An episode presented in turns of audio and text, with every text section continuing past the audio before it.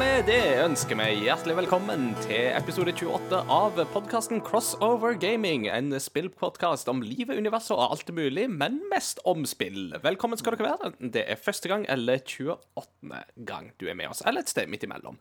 Mitt navn det er Ingar Takanobu Hauge. Jeg er programleder. Jeg sitter i dag på um, studioet, heimekontoret, eller sagbruket, som det også heter, til min uh, Oslo-cohost med bolle i munnen. Christian uh, Fonneland der, altså. Christian Skikke- Bollefjes Fonneland. Skikkelig, skikkelig profesjonelt av deg, Christian. Ta deg en bolle.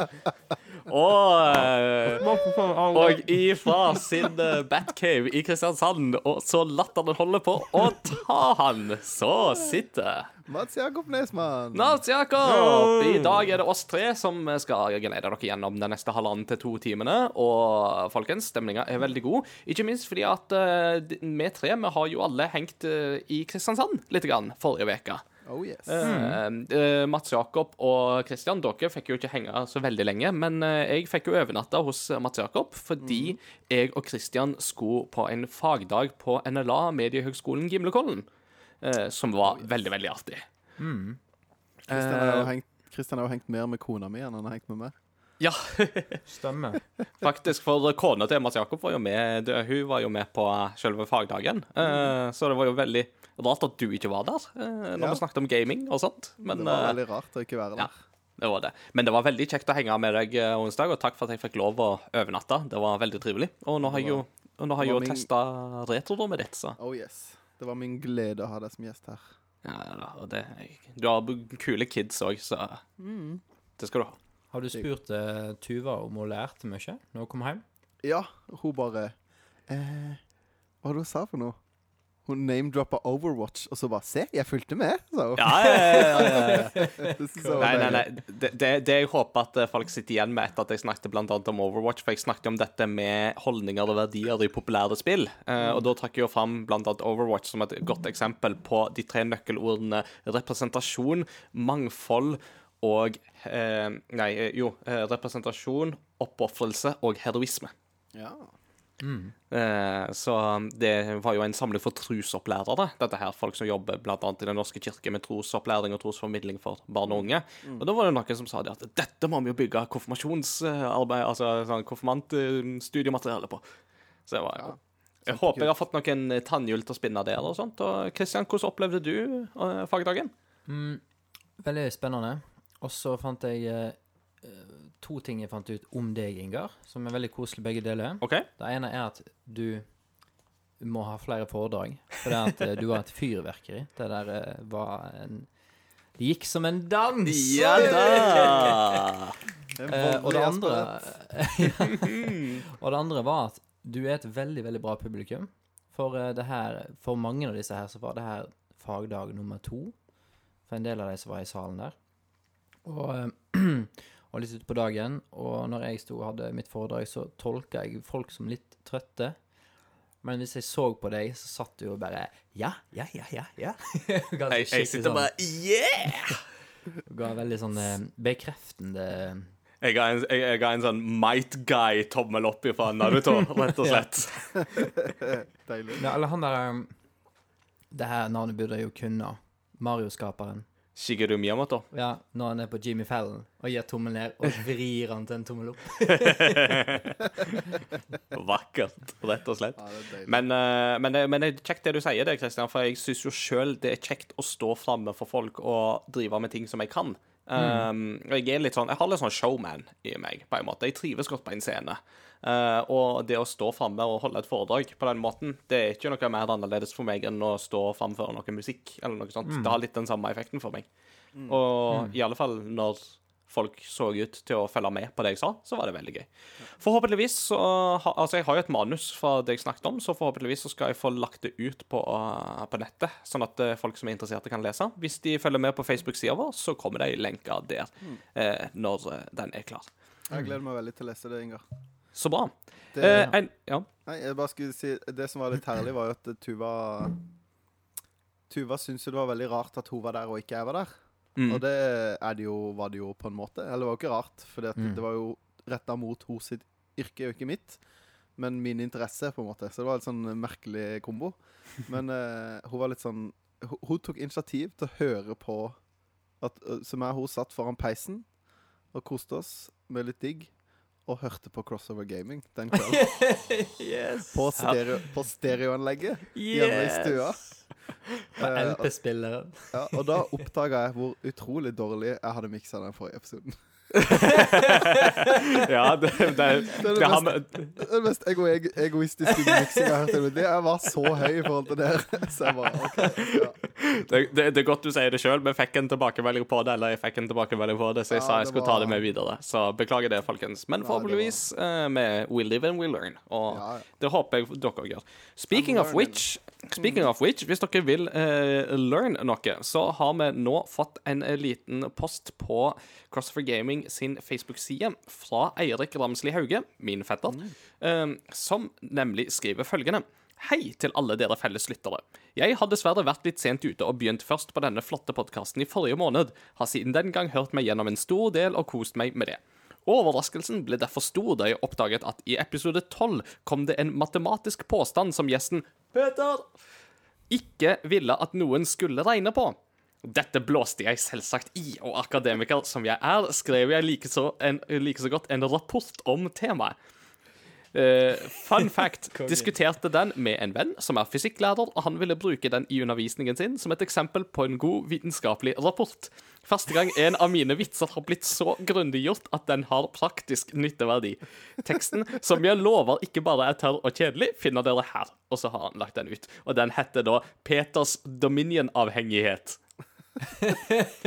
Det skal hva var, eh, hva var regnestykket? jo, altså, eh, En disclaimer først. da Peter og Eirik og meg Vi henger masse sammen, så dette er gjort i veldig god vennskapelighet. Greia var at eh, da vi hadde Peter på besøk og snakket om brettspill og Dungeons and Dragons og sånne ting, så snakket han om at i Dominion så har du så mange kombinasjoner eller kort som kan brukes, og sånt, at du kan jo spille 50 000 ganger uten å få samme dekk. Og så sa han kjapt etterpå Nei, det må ingen regne på, uh, Eirik. Og så har Eirik da tatt dette på alvor, og så har han da skrevet en uh, liten rapport der han tar for seg nettopp dette regnestykket, med da hvor mange kort man har i Dominion totalt, og hvor mange man trekker, osv. Så, videre. så hvis folk vil lese en god practical joke, så kan de gå på Facebook-sida vår, og så finner de den der. Tusen takk, Eirik. Det var veldig, veldig artig. En kort oppsummering. Hvis du syns oppgaven blir veldig lang, disclaimer det her er en spøk. Ehm, Peter har ti Dominion-kort, gir vekk to. Hvor mange Dominion-kort har Peter igjen? Nei, sorry, sorry nei. Nei, nei, nå var du bare slem. Nei, nei, nei, nei, det var ikke meningen å være slem. Det var meningen å gjøre en, en enkel matematisk oppgave basert på Dominion. Sorry. Men nå, nå Klipp, klipp ut. Nei da. Så, uh, men uh, med, nå, nå er det så slem at jeg tenker at uh, det, det tenker jeg er en god indikator på at vi må gå videre i episoden. Så skal Uff, vi jeg ta mente for, ikke være slem. så skal vi, Nei da, du var ikke så slem. Jeg gleder meg til å lese. Jeg bare ville ha et godt insentiv for å gå videre til neste innslag. Det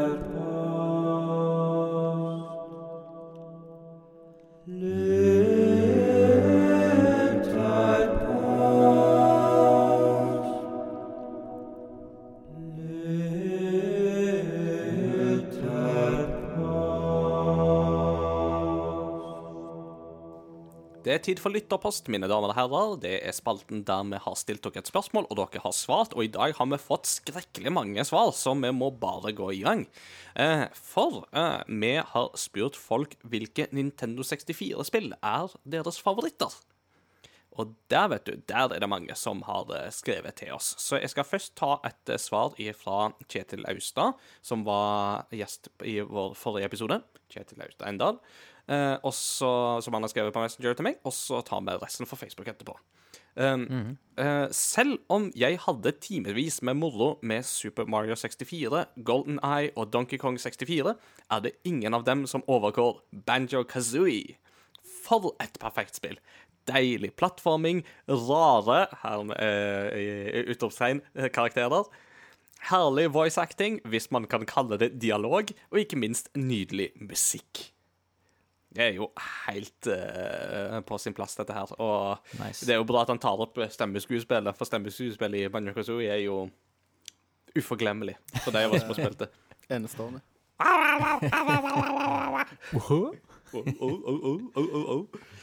nice. Vil du ta neste, Kristian? Ja, altså Må jo bare si tusen takk, da, for det er jo utrolig mange kommentarer, og mange av de er kjempelange. Det er så gøy. Uh, men eh, hos meg, øverst her, så står Åsmund.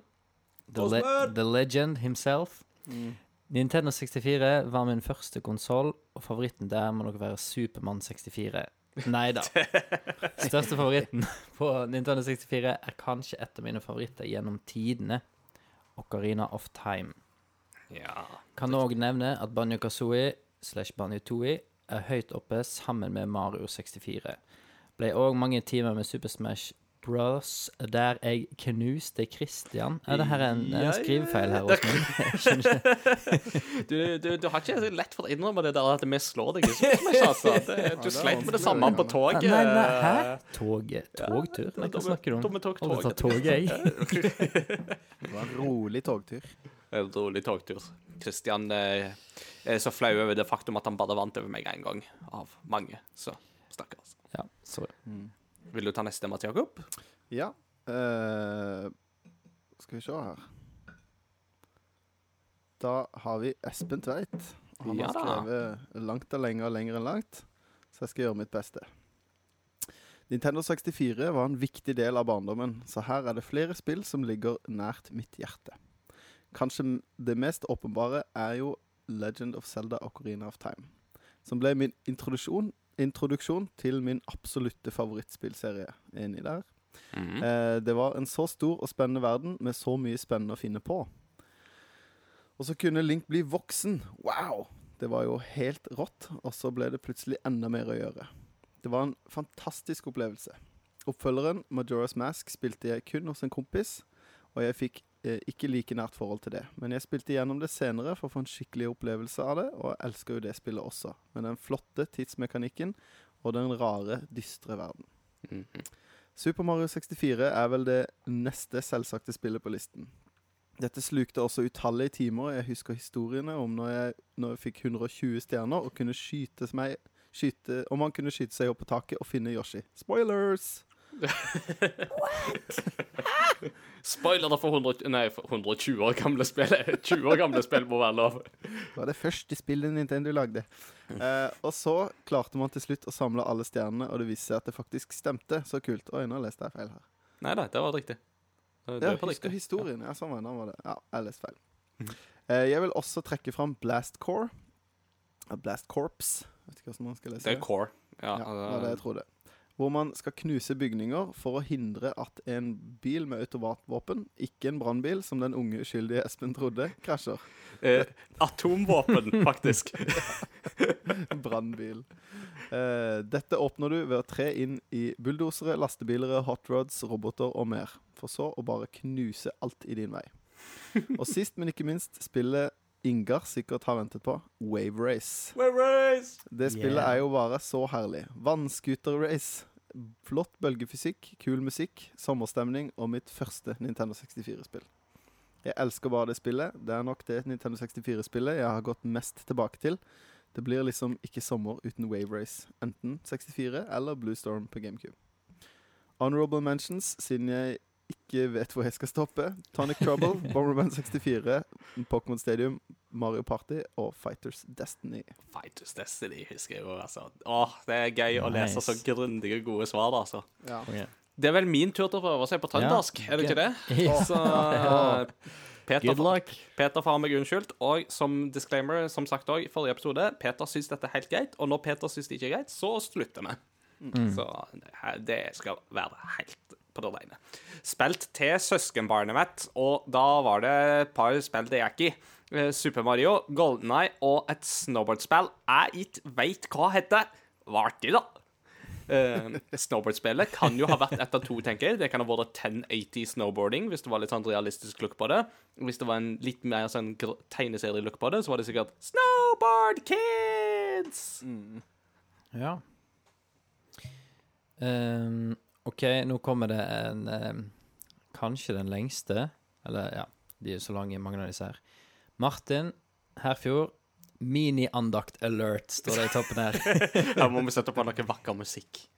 Sett på lytterpostspalten, eh, vignetten i bakgrunnen.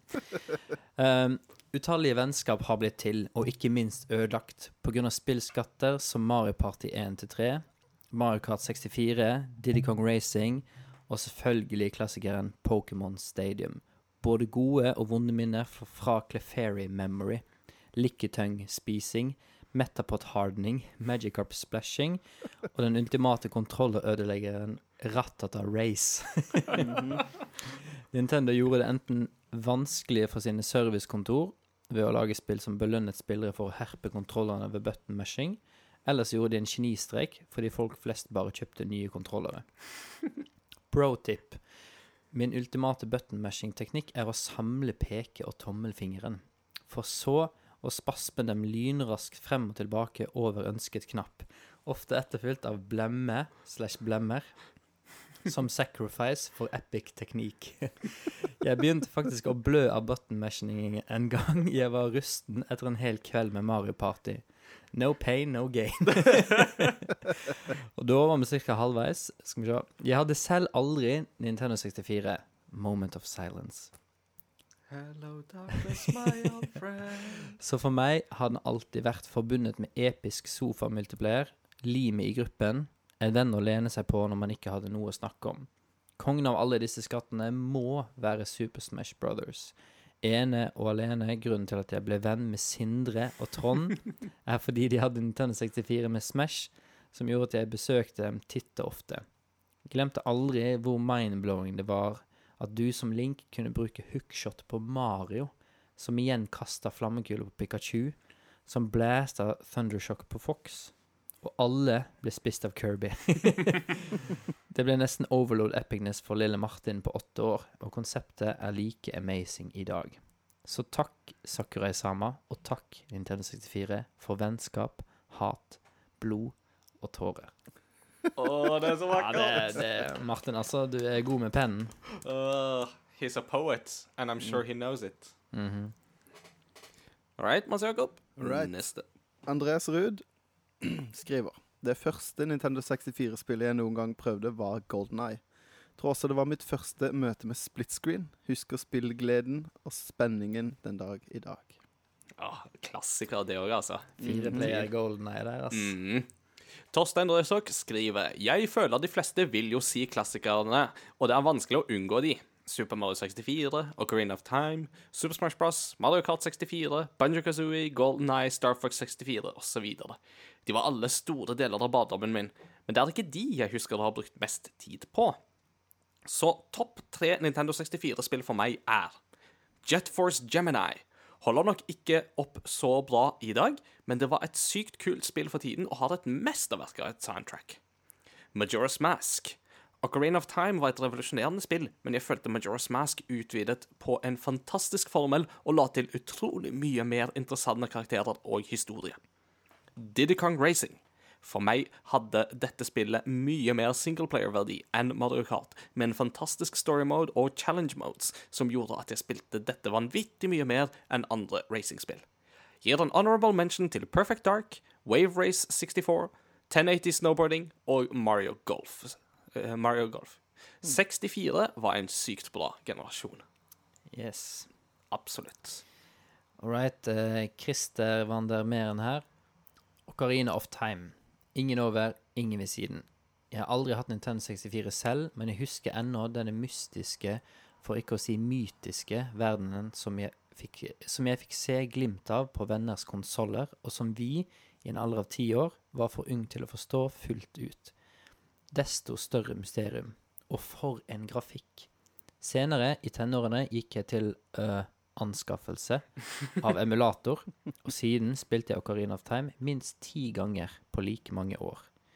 Gjennom emulatoren fikk jeg også stifte bekjentskap med Super Mario 64, et legendarisk og banebrytende Mario-spill med hele 50% flere dimensjoner enn tidligere, og Majoras Mask, den mørke og smått stressende oppfølgeren til Ocarina of Time. Og sist, men ikke minst, har jeg storkost meg med Banjo Kazooie. Ikke bare var det et strålende morsomt og variert plattformspill. Grand Kirkhopes, uh, Kirkhopes ja, fantastiske lydspor, og hvordan dette ble vevd inn i spillverdenen og reagerte dynamisk på hva du gjorde, vil for alltid stå som øyeblikket jeg for alvor innså at spillmusikk kunne være noe mer enn bare bakgrunnsmusikk mens man hamrer på knappene. Avslutningsvis kan jeg si at jeg har alltid vært en PC-gamer, men mitt forhold til Zelda og Mario gjennom emulatoren er ansvarlig for at jeg senere, som mine eneste konsoller, gikk til anskaffelse av både Wii, Wii U og Switch, med tilhørende Zelda- og Mario-spill. Jeg vil si at Nintendo gikk godt i pluss på emula emulatorbruken min, så jeg har samvittigheten i behold. Stille. Målet helliggjør, uh, helliggjør middelet der, eh, rett og slett. Yes. Mats Hauge skriver Selv om jeg vokste opp med PlayStation, men med en bestevenn som eide Nei, selv vokste jeg opp med PlayStation, men med en bestevenn som eide Nintendo 64. Vi spilte et spill ved navn Conquers Bad Fur Day, og Mm. mente nok det- på den tiden at det var et av verdens beste spill. I am the The great mighty Pooh. sånn, da hadde vi tatt dagens allsang. Um, Eirik eh, Ha- Hauge, han som har skrevet denne her uh, vitenskapelige rapporten om uh. Dominion-avhengighet, uh, skriver Nintendo 64, konsollen jeg var akkurat litt for sent ute til. Jeg er, som så mange andre som dukker opp i denne podkasten, misjonærbarn, og hadde derfor ikke tilgang på spillkonsoller før i 2001. Da var vi ett år i Norge, og naboen hadde Nintendo 64. Her ble jeg for første gang ordentlig introdusert for to spill som er mine Nintendo 64-favoritter. The Legend of Zelda, Ocarina of Time og Pokémon Stadium. Har i senere tid spilt Majora's Mask også, men skoleåret 0102 var det Ocarina of Time hos naboen som gjaldt. Husker jeg akkurat rakk å komme meg gjennom tredje tempel, og Zelda-fanen i meg var født. Pokémon Stadium lot deg se Pokémon og angrep på en helt ny måte, og jeg husker fortsatt ærefrykten jeg følte da jeg så hvordan Surf virkelig mante fram en hel flodbølge, og ikke bare ei bølget linje på en liten Gameboy-skjerm. Ah, good times. ja, vi begynner å nærme oss slutten, Chris- Christian, men Ja. eh, vi har et par til. Det er jo noen nye som har skrevet. Ja, det, er- jeg tror vi har fått et par eh, nye brukere siden sist. Velkommen skal dere være. Veldig, veldig koselig. Veldig En av, en av disse her er David Selnes. Eh, Ja, Han er ikke ny. Han har vært med oss så lenge. Han, ja, men har han skrevet til oss før? Ja da. Sorry, David. Sorry, David. I have an old mind. Eh, med unntak av alle klassikerne som allerede har blitt nevnt, kan jeg også slenge inn disse personlige favorittene. Donkey Kong 64, Conquers Bad Fur Day, Pokémon Snap, Harvest Moon 64, Glover og Yoshi's Story.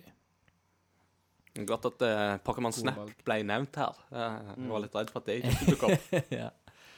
Konge. Da var det min tur. Mhm. Da har vi Lars Ivar Bratsberg. Han vet, tror jeg ikke vi har eh, Han tror jeg er ny. Han tror jeg er ny. Velkommen Men, skal du være. Ja. Jeg tror jeg kjenner storesøstera hans. Det er litt stas. Han har skrevet Golden Eye og Mario Kart. Ja. Kort og godt. Og og gode, gode valg. Veldig gode valg. Helt til slutt her, jeg tror ikke vi har flere igjen nå enn eh, den siste her fra Kim Lyne. Super Mario 64 er fortsatt den best, det beste spillet til den maskinen. Nesten litt trist, som med sånne band som aldri topper debutskiva. 3D-Zelda har aldri overbevist meg på samme måte som 2D har, og selv om Golden Eye og Mario Kart 64 var moro i sin tid, ble de relativt kjapt erstattet av mer moderne titler. Jeg må jo innrømme at uh, med Mario Kart 64 det er vanskelig å gå tilbake til når du er blitt vant til Switch-versjonen. Men eh, moro var det lell eh, back in the day. Skal vi ta våre favoritter i del to, og så sier vi tusen takk til alle som eh, bidro her nå. Jeg håper virkelig ikke at jeg har gått glipp av noen av deres kommentarer. Men dere er superflinke, og det er så gøy å lese engasjementet deres for eh, denne konsollen. Ja, veldig, veldig kos, altså. Mm, så det skal dere ha.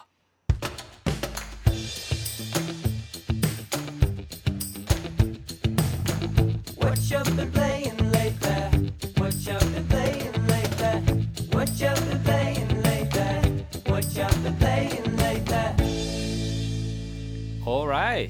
mine damer og herrer. ai. Ai, ai. Vi skal nå snakke om hva som har blitt spilt siden sist. Nå eh, tar vi jo denne opp, eh, episoden opp litt tidligere enn normalt, så det vil si at vi har kanskje ikke fått like masse tid til å game som det vi ellers hadde gjort. To dager mindre tid. Mm, jeg tror denne gangen Jeg tror Kristian, jeg tror det er lenge siden du har fått lov å begynne på denne spalten. Så would you do the honors? Jeg har tenkt på det sjøl, at det er al- altfor lenge siden jeg har fått begynt. Jeg får aldri begynne. Ja. Assassin's Creed Odyssey.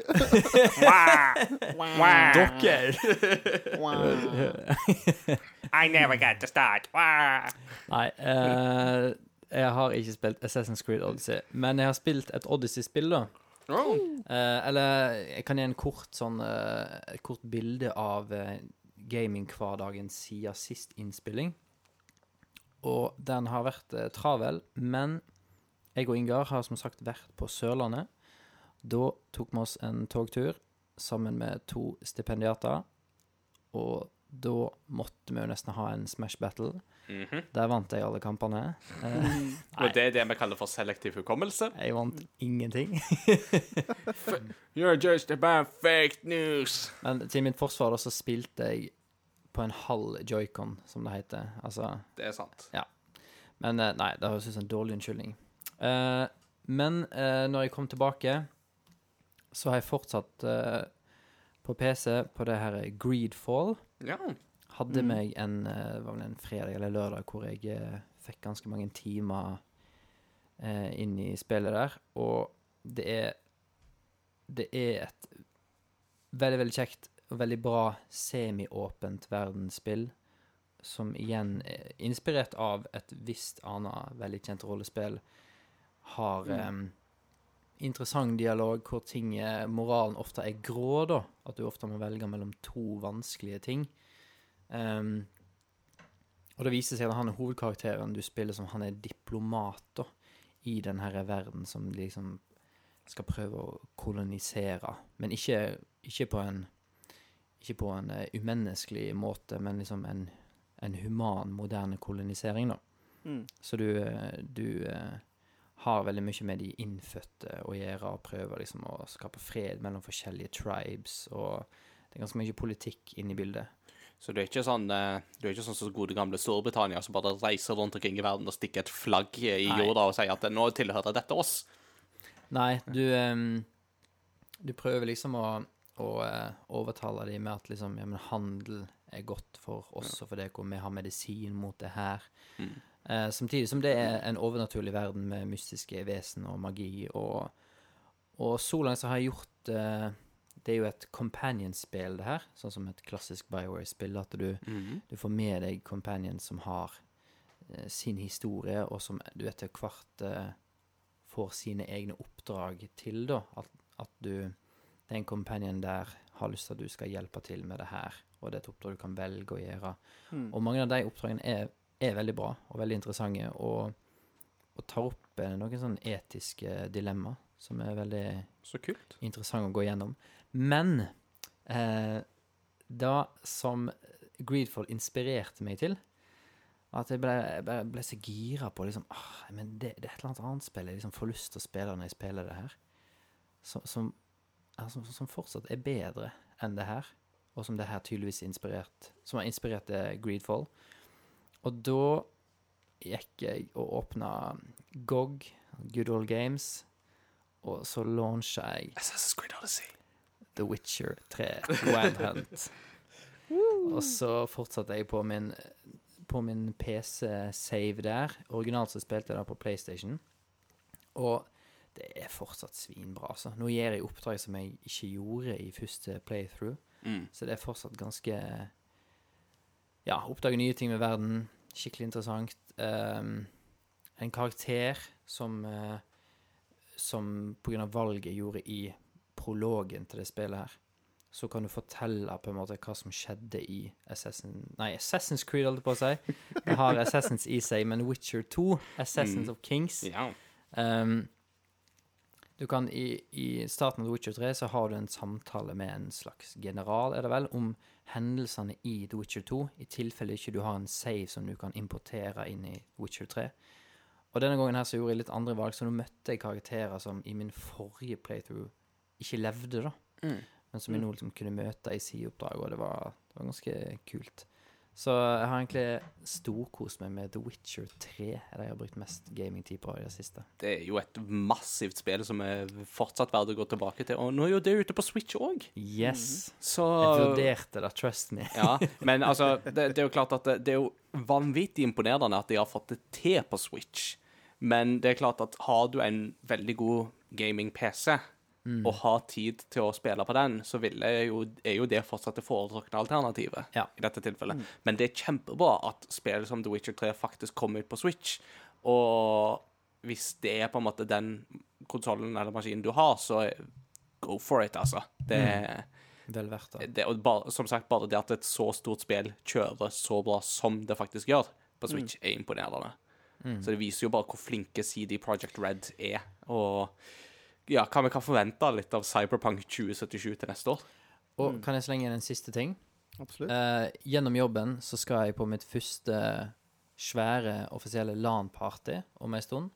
Om en måneds tid cirka. Og det er Dreamhack i Sverige. Hey. Og da har jeg tenkt ja, nå må jeg komme meg skikkelig inn i et PVP-spill her som jeg kan game med elevene. Så Ingar, du Mm. må gjerne coache meg litt, for jeg har begynt å spille Overwatch. Hey, så gøy! Det passer jo veldig bra nå som det er Halloween-event. Ja, og den, eh, den Coop-eventen der er veldig kul. Ja, Dr. Junkensteins Revenge er en av de gøyeste sånn PVE-greier de har i Overwatch. Så den, eh, når det er halloween, så spiller du alltid den. Eh, kjenner du til den, Mats Jakob? Ikke i det hele tatt. Nei, det um, Altså, i um, i Overwatch så har du jo en character som heter Junkrat, som er en sånn gal australier som skyter bomber og har litt sånne flammer i tuppen, altså hårlokkene sine, og, eh, som snakker om at If at first you don't succeed, blow it up again! uh, men eh, så hadde jeg da en um, PVE-historie uh, som er liksom satt til halloween, da det er skummelt og greier, og da har han inntatt eh, personen Dr. Junkenstein. Og så er det da en sånn greie med at du må forhindre hans eh, robotzombier til å liksom komme bort en dør og sprenge den åpen og sånt, og med jevne mellomrom så påkaller han sine medhjelpere og sånt, som er noen av de andre karakterene. Så det er så gøy, da. Det er en sånn alternativ setting der rollefigurene i Overwatch får uh, lekt seg med sine mer spooky sides. Kult. Veldig, veldig artig. Ja, sjukt gøy. All right. Uh, takk til deg, Christian. Mats Jakob, uh, vil du fortsette? Det kan jeg godt. Eh, det har ikke blitt sånn skrekkelig mye spiltid på meg. Men jeg hadde jo besøk av deg, Ingar. Du hadde da sånn? hadde en helt fantastisk opplevelse. For jeg har jo kjøpt meg en eh, Famicom. Mhm. eh, og eh, hadde noen spill jeg hadde lyst til å vise deg. Eh, Det var veldig gøy. Blant annet Star Wars-spillet hvor eh, Darth Vader blir til en, eh, en eh, skorpion. I en Java-crawler. Ja, det var Japan, det, det er ikke helt, det er ikke helt uh, canon, det storyen i det spillet der. Sånn. det Det, var det ikke, men det var veldig gøy. Og ikke minst var det så gøy å høre Star Wars-musikken i 8-bit-versjon. Ja. Mm. Altså, det er mye imponerende med det spillet. Men uh, vi spilte det, og så uh, Det som var gøy, da, var jo at Ingar påstår jo at han ikke leser bra japansk, men han satt jo og oversatte i fleng. Og så Konge. Det aller gøyeste med det var at etter hvert så innså begge to at uh, når Inga oversatte fra japansk, så oversatte han automatisk til engelsk. Ja. Så han satt og leste på japansk, og så fortalte han det til meg på engelsk. Og så plutselig sier jeg Du oversetter på engelsk. Og så begynte han å oversette norsk. Så jeg, Nei, nei, ikke slutt med det. So helt, as you can see here, Mr. ja, det var, det var helt naturlig at han oversatte til engelsk. For Konge. vi er jo så vant til å lese spilltekst på engelsk. ja, Det, det, det, det er jo ikke så vanskelig japansk i alle disse spillene, da. Altså, Ta Star Wars-spillet, for eksempel, så var det Ja. veldig lett å lese pi-pi-pi-pi-pi-pi. Som da var Skrevet. R2D2 som sier 'thank you for saving me'. Det sto i, i katakana eller hiragana sto i katakana sto det pi, pi, pi, pi, pi, pi, pi. Mm. Så står det sykt herlig. Og når Ingar da sitter og leser og bare Uh, nei, nei, nei, The World of Star Wars. Og så plutselig kommer det pi-pi-pi-pi-pi-pi-pi. Å ah. Pi-pi-pi-pi-pi-pi. nei, det var helt rått. Men uh, du er en god oversetter, Ingar. Jo, takk, jeg, tusen takk. Jeg spilte jo ikke så mye, men jeg satt og så på at Ingar spilte eh, Kom til Michael Jackson-bossen i Splatterhouse og Darth Vader i Star Wars, og vi fikk testa litt eh, Spille Kokoron som er et eh, veldig, veldig japansk spill. På alle mulige måter. hvor du eh, spiller en Du spiller i en verden hvor alle bakgrunnene er hvite med rosa prikker. Hvor du da spiller en sånn hoved... eh, En av, jeg vet ikke om han er Jeg har ikke skjønt om han er bossen, eller om han bare er en eller annen sånn derre veileder. Men det er da en tapir som flyr rundt i en eh, paraply. som liksom forteller deg alt. Eh, Veldig sært. det er veldig sært, men gameplay er veldig kult. da Det er litt sånn Megamann-aktig gameplay. Men det som er gøy, er at du setter sammen karakteren din sjøl. Mm. Så du velger hvilket hode han skal ha, hvilken kropp han skal ha, hvilke bein han skal ha, hvilket våpen han skal ha. Veldig så- stilig. Måte kan du løse banene på ulike måter da med å sette sammen den karakteren som passer kanskje din spillstil best. Um, så det er veldig kult. Så det er litt sånn bak, bakvendt Megamann. Mm. Med at du velger abilities først, og ikke liksom får de underveis. Med litt sånn psykedeliske baner og sånt av en drømmetapir. Ja, det var helt sprøtt. Det Liksom. Nei, nei, det er helt Det må og Hvis ikke du har Ta Google det. Det er helt absurd, det spillet.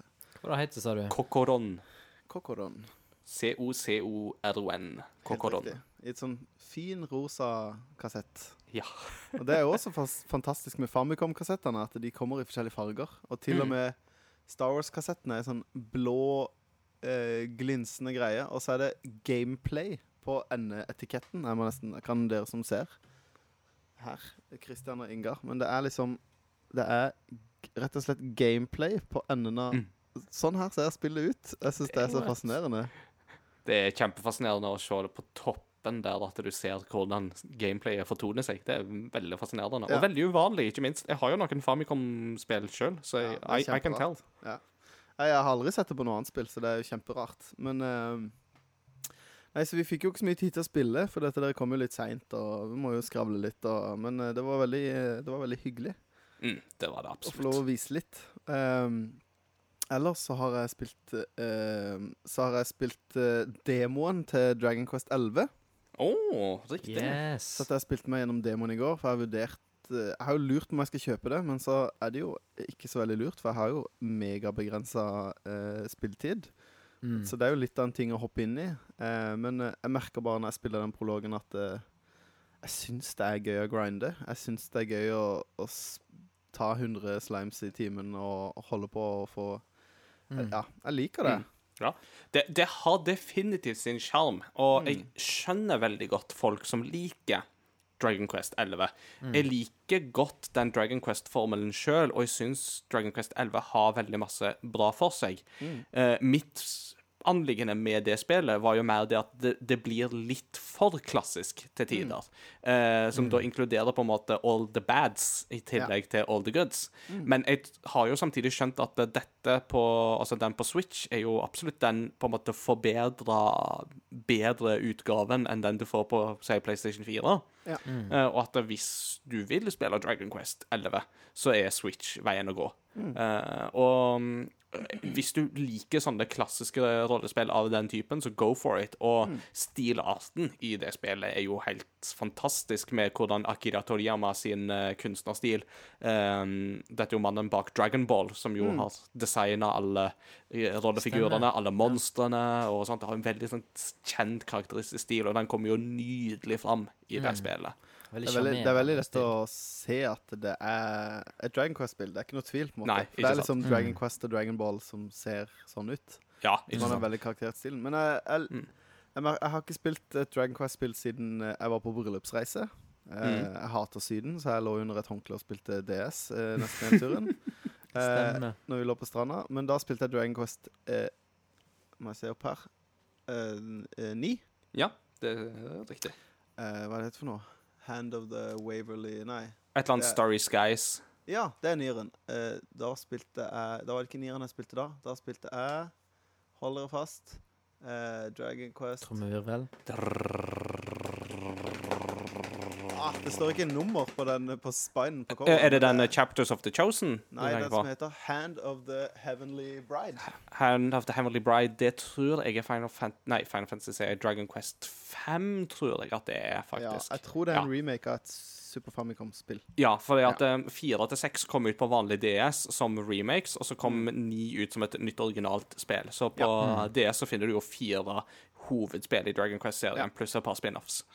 Nei, så, så jeg spilte det da, og Hva skal jeg si? Dragon Quest 11 eh, eh, klødde den kløen, da, hvis du kan si det på den måten. At eh, eh, de tingene som kanskje er litt sånn bads med eh, Altså at, at Dragon Quest 11 føles litt, litt utdatert i, i 2019. Men uh, passer meg perfekt når jeg på en måte egentlig vil ha et veldig Jeg vil ha et veldig tradisjonelt RPG, på en måte. Ja, Og det og absolutt kjør på. Altså, Mm. Et par av mine andre anliggende var jo ting som gikk litt mer på på en måte historie, og kanskje litt i forhold til ludonarrative dissonanser og Mm, litt sånne ting. Men det er klart at hvis man ikke blir veldig plaga av det, eh, så må man jo bare gønne på, tenker jeg, altså. Og det er, som sagt, jeg skjønner veldig godt folk som liker det. og jeg, jeg hater ikke Dragon Quest 11 på no under noen omstendighet. Jeg hadde det mye gøy da jeg spilte det.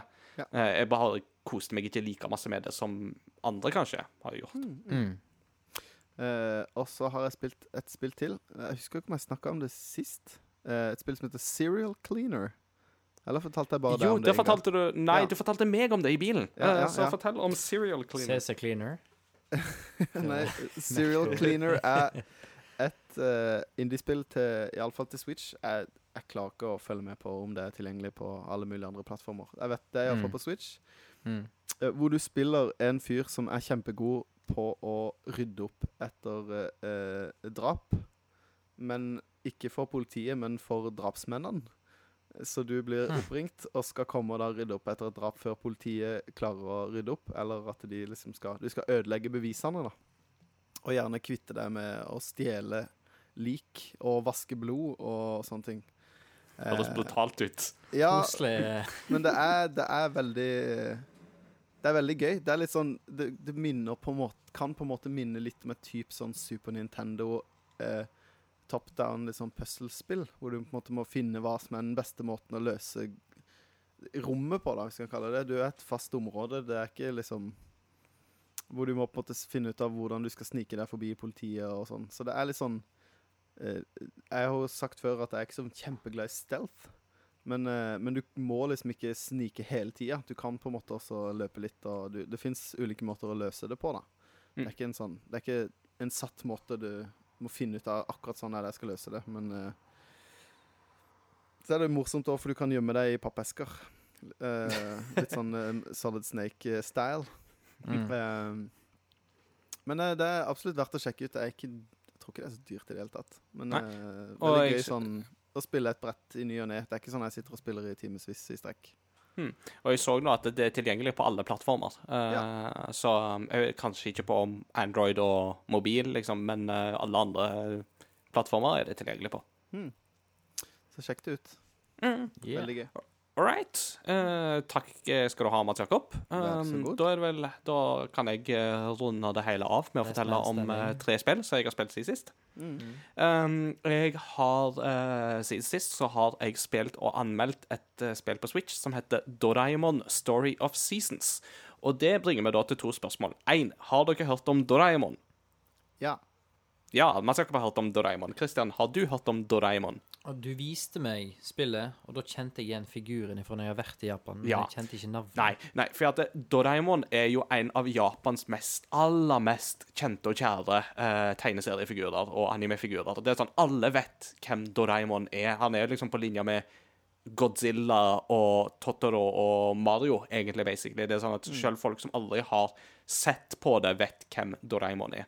Doraemon er da en eh, blåhvit eh, katterobot fra det 22. århundre som har reist tilbake til vår tid for å hjelpe eh, farfaren til skaperen sin. eh, Som da er en eh, ung gutt, eh, en ung femteklassing, som heter i den japanske utgaven så heter han Nobi Nobita.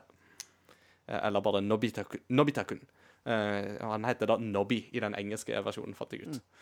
Uh, og greia der er jo det at uh, Nobby han er ikke sånn veldig på en måte mm, Han er ikke så veldig spesiell. Han er ikke liksom smart eller kul eller flink eller tøff eller veldig modig eller noe sånt, men han har liksom hjertet på rett sted. da. Og så er jo gisten i Doraemon er jo ofte det at han havner i trøbbel, og så kommer han til Doraemon og ber om hjelp, og så har Doraemon en sånn lomme på magen sin som han kan trekke opp masse nyttige gjenstander ifra fra framtida. Masse gadgets og sånne ting.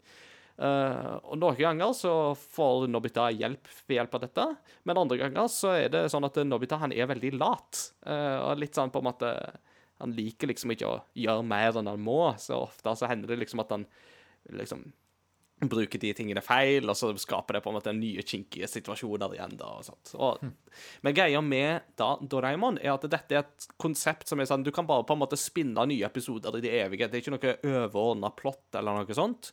Og i tillegg så er dette da et konsept eller rollefigurer som er lett å blande med andre serier og andre ting. Eh, og det er da det de har gjort med Story of Seasons. Og det bringer meg til spørsmål nummer to. Har dere hørt om Story of Seasons før?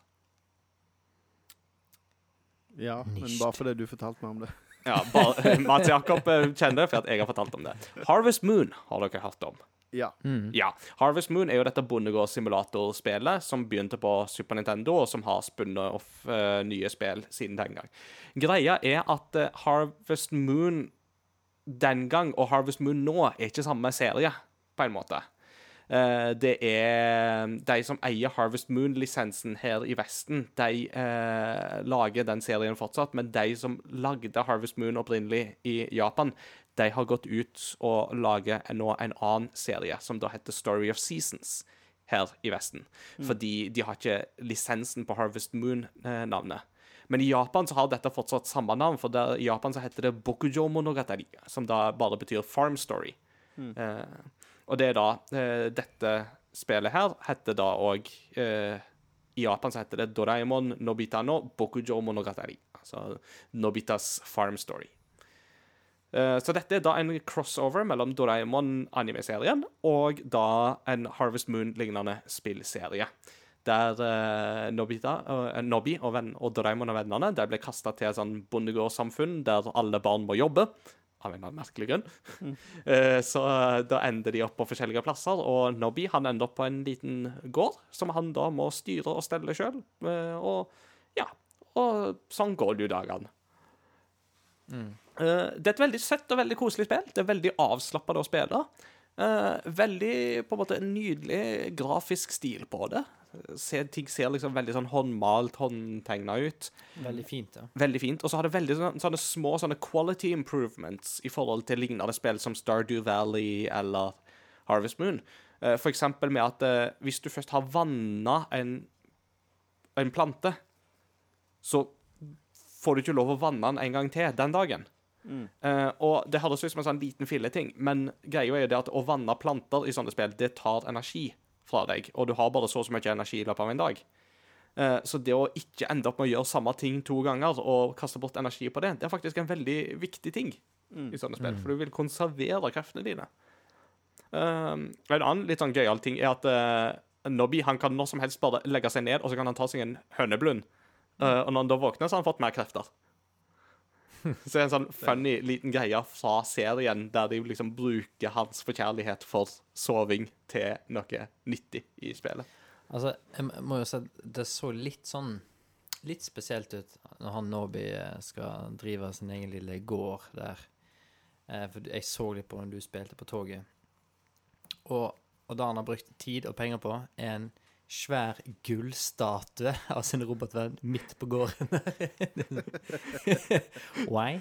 Det skal, si, det skal sies at den fikk jeg som en del av et storyoppdrag, så jeg hadde ikke noe jeg skulle ha sagt. Men ja, midt i åkerlappen så står det en gigantisk gullstatue av Doraemon. It is uncanny.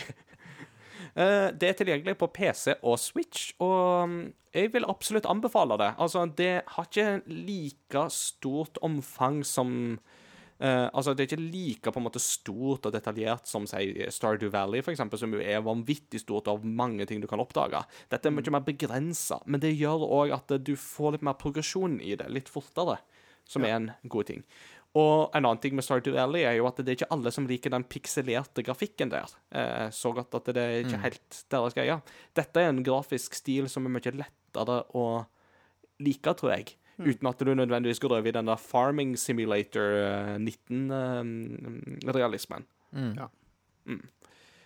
Så det er det ene som jeg har spilt. Det andre som jeg har spilt, som jeg vil bare snakke litt kort om, for jeg har ikke spilt det så veldig lenge, det er Yakuza 0. Eller Yakuza Oh, yeah. Zero, om du vil. Eh, jeg sa jo antageligvis ved begynnelsen av året at jeg har en ambisjon om å begynne på Yakuza-serien til Sega. det. Og det har jeg nå drukket. Eh, så nå er jeg faktisk i gang. Eh, og det er crazy bananas. Japansk action. altså, i går så brukte jeg da tida på at da måtte jeg liksom kjempe meg gjennom et Yakuza-hovedkvarter. Så da ble det liksom bare overlatt i et rom med masse sånne Yakuza lowlifes. Og da slipper jeg løs mine fists, så jeg bare mukker løs på alle disse her japanske kriminelle, og det er sånn Det er så flashy, noen av disse scenene. at Det er, det så ekstremt overdrevet. Så det er sånn Kommer krasjende inn gjennom vinduet på et herretoalett og ender opp til slutt med å liksom ta hodet til han det største bad guyen der og bare mokke inn i et pissoar og det er sånn. Classic. Og så eh, rett etterpå så går du ut på gata i eh, Tokyo, og så er det bare sånn her, Nei, nå går jeg på diskotek, og så står jeg og danser disko med sånn skikkelig Så det er så karakterbrist. Uh, men, uh, I en innholdsrik kveld. Innholdsrikt. Eh, Men, men jeg må si at det, dette spiller jo veldig på liksom, den yakuza-sjangeren. Altså, Yakuza er jo japansk mafia, og det er jo òg en måte en sjanger som har på en måte stor popularitet i japansk populærkultur, film, TV, bøker osv. Uh, Og jeg elsker den settinga der, altså. Det, det, det er liksom det er liksom japansk machokultur på liksom det aller verste, og allikevel så er det liksom noe tøft og eh, forlokkende ved det. det er liksom, de har sin æreskodeks og sånt, for eksempel. Altså, de har ingen problem med å banke og true folk og sånt, men de er veldig på det der med at de skal ikke drepe folk, for eksempel. Og de skal ikke gjøre ting som på en måte bringer skam over sin klan. Og, så det er veldig sånn på en måte en, rigid æreskodeks som følger, da. Så det er en sånn honor, honor among thieves, rett og slett. Der har du Yakuza i et netteskall. Um, og Yakuza 0 det er jo en sånn prolog som ble gitt ut uh, på PlayStation 4 for et par år tilbake. Uh, men jeg ble bare anbefalt bare begynn der. Altså Bare begynn liksom der i tidlig kronologien. Så da er det jo Japan på slutten av 80-tallet, midt i jappetida. Masse nyrike unge mannfolk og uh, ja, eiendomsutvikling og framtidshåp og tru og ja, det, så det er veldig gøy. Eh, Jeg gleder meg til å fortsette på det, da, så det, det blir spennende. Går det an å spille hele serien på moderne konsoller nå? Eh, ja, altså PlayStation 4 og PC er de konsollene som det er Eller de plattformene som det er tilgjengelig på. Ja, men kan du spille hele serien der, tror du? Eh, hele serien kan du spille på PlayStation 4, iallfall etter hvert. Eh, Ja. Det har jo vært en PlayStation-eksklusiv serie lenge, men så har de begynt å slippe det litt på PC òg, etter hvert. Eh, men greia er at uh, Yakuza 1 og 2 har de pussa opp med denne motoren som de òg har brukt i Yakuza 6, som er det siste spillet så langt. Og så kommer en sånn Yakuza 3, 4 og 5 remaster Uh, nå i høst, som slippes på PlayStation Store. Det er da bare en remaster, så det er ikke en, på en måte en gjenoppbygging fra bunnen av, sånn som de har gjort med Yakuza 1 og 2, men det er fortsatt sånn at du kan spille det da på en PlayStation 4. Da. Og da har du hele serien på PS4. ja, for da var det jo egentlig PlayStation 2 og 3-spill? Ja Um, Noen av dem? Yakuza 1 og 2 var PlayStation 2-spill, og så var Yakuza 3, 4 og 5 var på PlayStation 3, om Ja. jeg husker riktig. Og så har du et par spin-offs, som er en sånn Yakuza sånn zombie-apokalypse-spill. der du må forsvare Kamurocho, denne her bydelen fra zombier. Og så har de en sånn uh, old school samurai-drama-spin-off som kom bare i, i Japan. Eh, og så har jeg spilt ett spill til som jeg lurer på om Christian kan få opp kjøreplanen, for akkurat nå i skrivende stund så har jeg glemt hva spill det var. Jo, eh, jeg har òg bare på eh, Switch så bare plukka jeg opp en gammel Sega-klassiker. Snakker om Sega. Så hvis jeg begynner å nynne Sega! Så hvis jeg begynner å nynne Mats Jakob på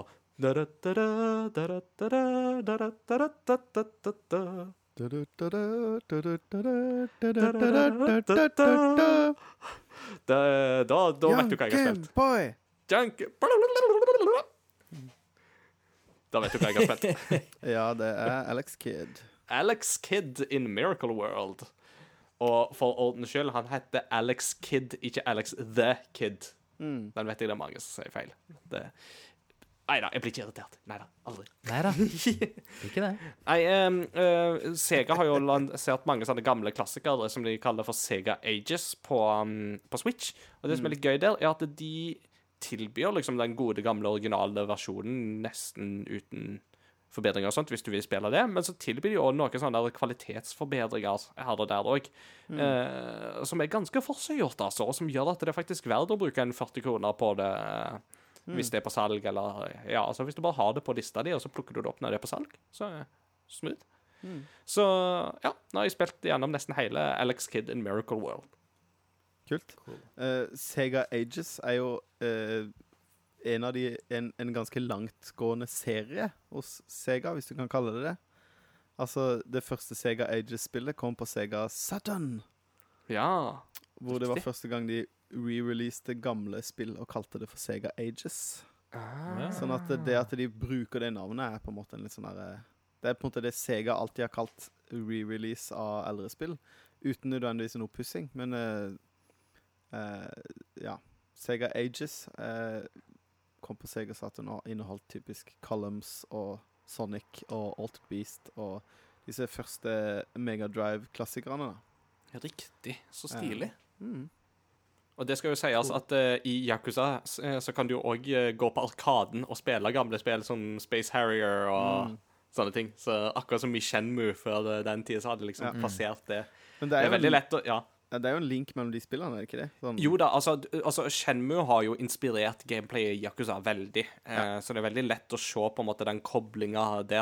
Og det er jo litt derfor jeg spiller Yakuza òg nå, for at jeg skal på en måte kunne eh, på en måte Når Shenmue 3 kommer i november, så vil jeg jo kunne se litt på en måte hva Altså, uten Shenmue hadde vi ikke fått Yakuza, men hvordan har Yakuza på en måte gjort dette bedre, som gjør Shenmue 3 vanskelig å komme inn på markedet? Mm. Så det blir en litt interessant kobling å se når det, den tid kommer. Jeg håper jo på å plukke opp Shenmue 3 for Game Reactor når den tid kommer. Cool. Med det så tar vi oss en eh, liten pause, og så er vi tilbake igjen i del to og skal snakke litt om dagens tema.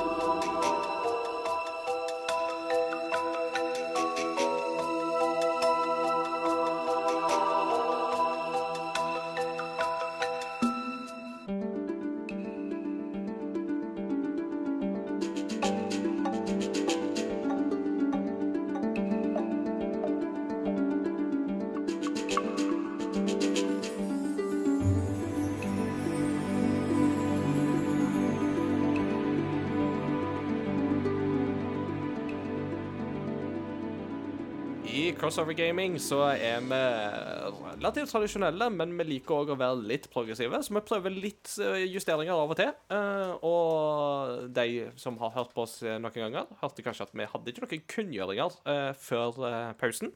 Vi skal prøve å flytte kunngjøringene til etter pausen og bare ta de kjapt. Så det kommer til å bli et kortere segment denne gangen. Og da tar vi bare det som er mest interessant for vår del. Uh, mm. uh, Så vi må jo begynne med at Fortnite var jo nede. det, det, er jo, det er jo faktisk et veldig bra PR-stunt, det de gjorde der. Eh, De tok hele Fortnite, slengte det inn i et svart hull, og så bare var det der.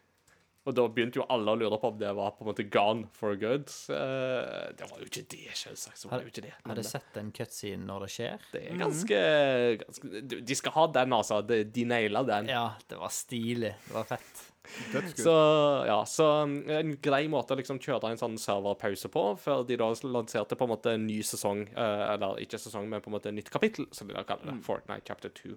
Um, nå kan du fiske, så det høres jo interessant ut. Hvordan, hvordan skulle du føle at du får tid til det midt i eh, kampens hete? Jeg skal bare fiske litt. Nei, eh, jeg tenker at noen ganger så må du bare risikere det. Noen ting her er jo livet verdt det. En ekstremsportfisking. Uh, speaking of fisking, det kan du òg gjøre i Doraemon Story of Seasons, og da er det ingen som skyter på deg. Så uh, there you have it. Nice. Sales Um, pitch. Ja, ikke sant. um, det, det finnes jo noe på internett som heter Internet Archive, som er sånn, på en måte en arkivtjeneste. Og de har jo nylig nå gjort eh, 2500 gamle MS-DOS-spill tilgjengelige gratis på internett. Så for folk som vil ha gamle DOS-spill som Doom og Ultima og sånne ting, så det der kan være verdt å sjekke ut. altså. Der tror jeg det er noen skatter som ligger begravd. Når, jeg- når jeg las tittelen på den artikkelen der eh, for ca. ei uke siden, litt under ei uke siden, så las jeg 2005 år gamle DOS-spill. Så jeg bare jeg bare, What?! Så sjukt fett! Og så bare Nei, vent litt. Det går jo ikke. Nei, det er fra den tida da på en måte Israel gikk ut av eksil i Babylon og Det er sånn, Jeg holdt på å si etter eksilsk tid, men uh, ja, ja. Dødehavsspillene! I DOS. ja, det hadde vært noe, det. Da hadde jeg definitivt fått eh, valuta for uh, teologipengene mine. Så det hadde jo vært gøy.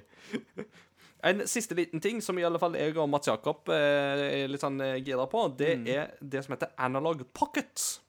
Uh, Analog er jo en, et selskap som de siste årene har spesialisert seg på å lage uh, maskiner som kobles opp til moderne HDMI-skjermer, eh, og som spiller av gammel maskinvare nesten perfekt. Eh, blant annet fordi at de bruker en del originaldeler i eh, maskinene sine. Så det vil si at de emulerer faktisk ikke. Det er på en måte original software de da spiller av. Dette har de da laga med Sega og eh, Super Nintendo, for å nevne noe. Og nå kommer de da med noe som heter Analog Pocket, som da er Gameboy, Gameboy Color og Gameboy Advance. I tillegg så kan den da spille av Atari Lynx, Game Gear og Neo Geo Pocket-spill.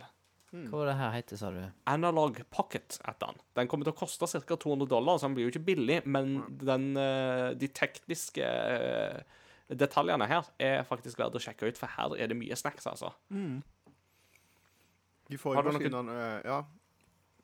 ja det starta med at de kom ut med Analog NT, som var en NES.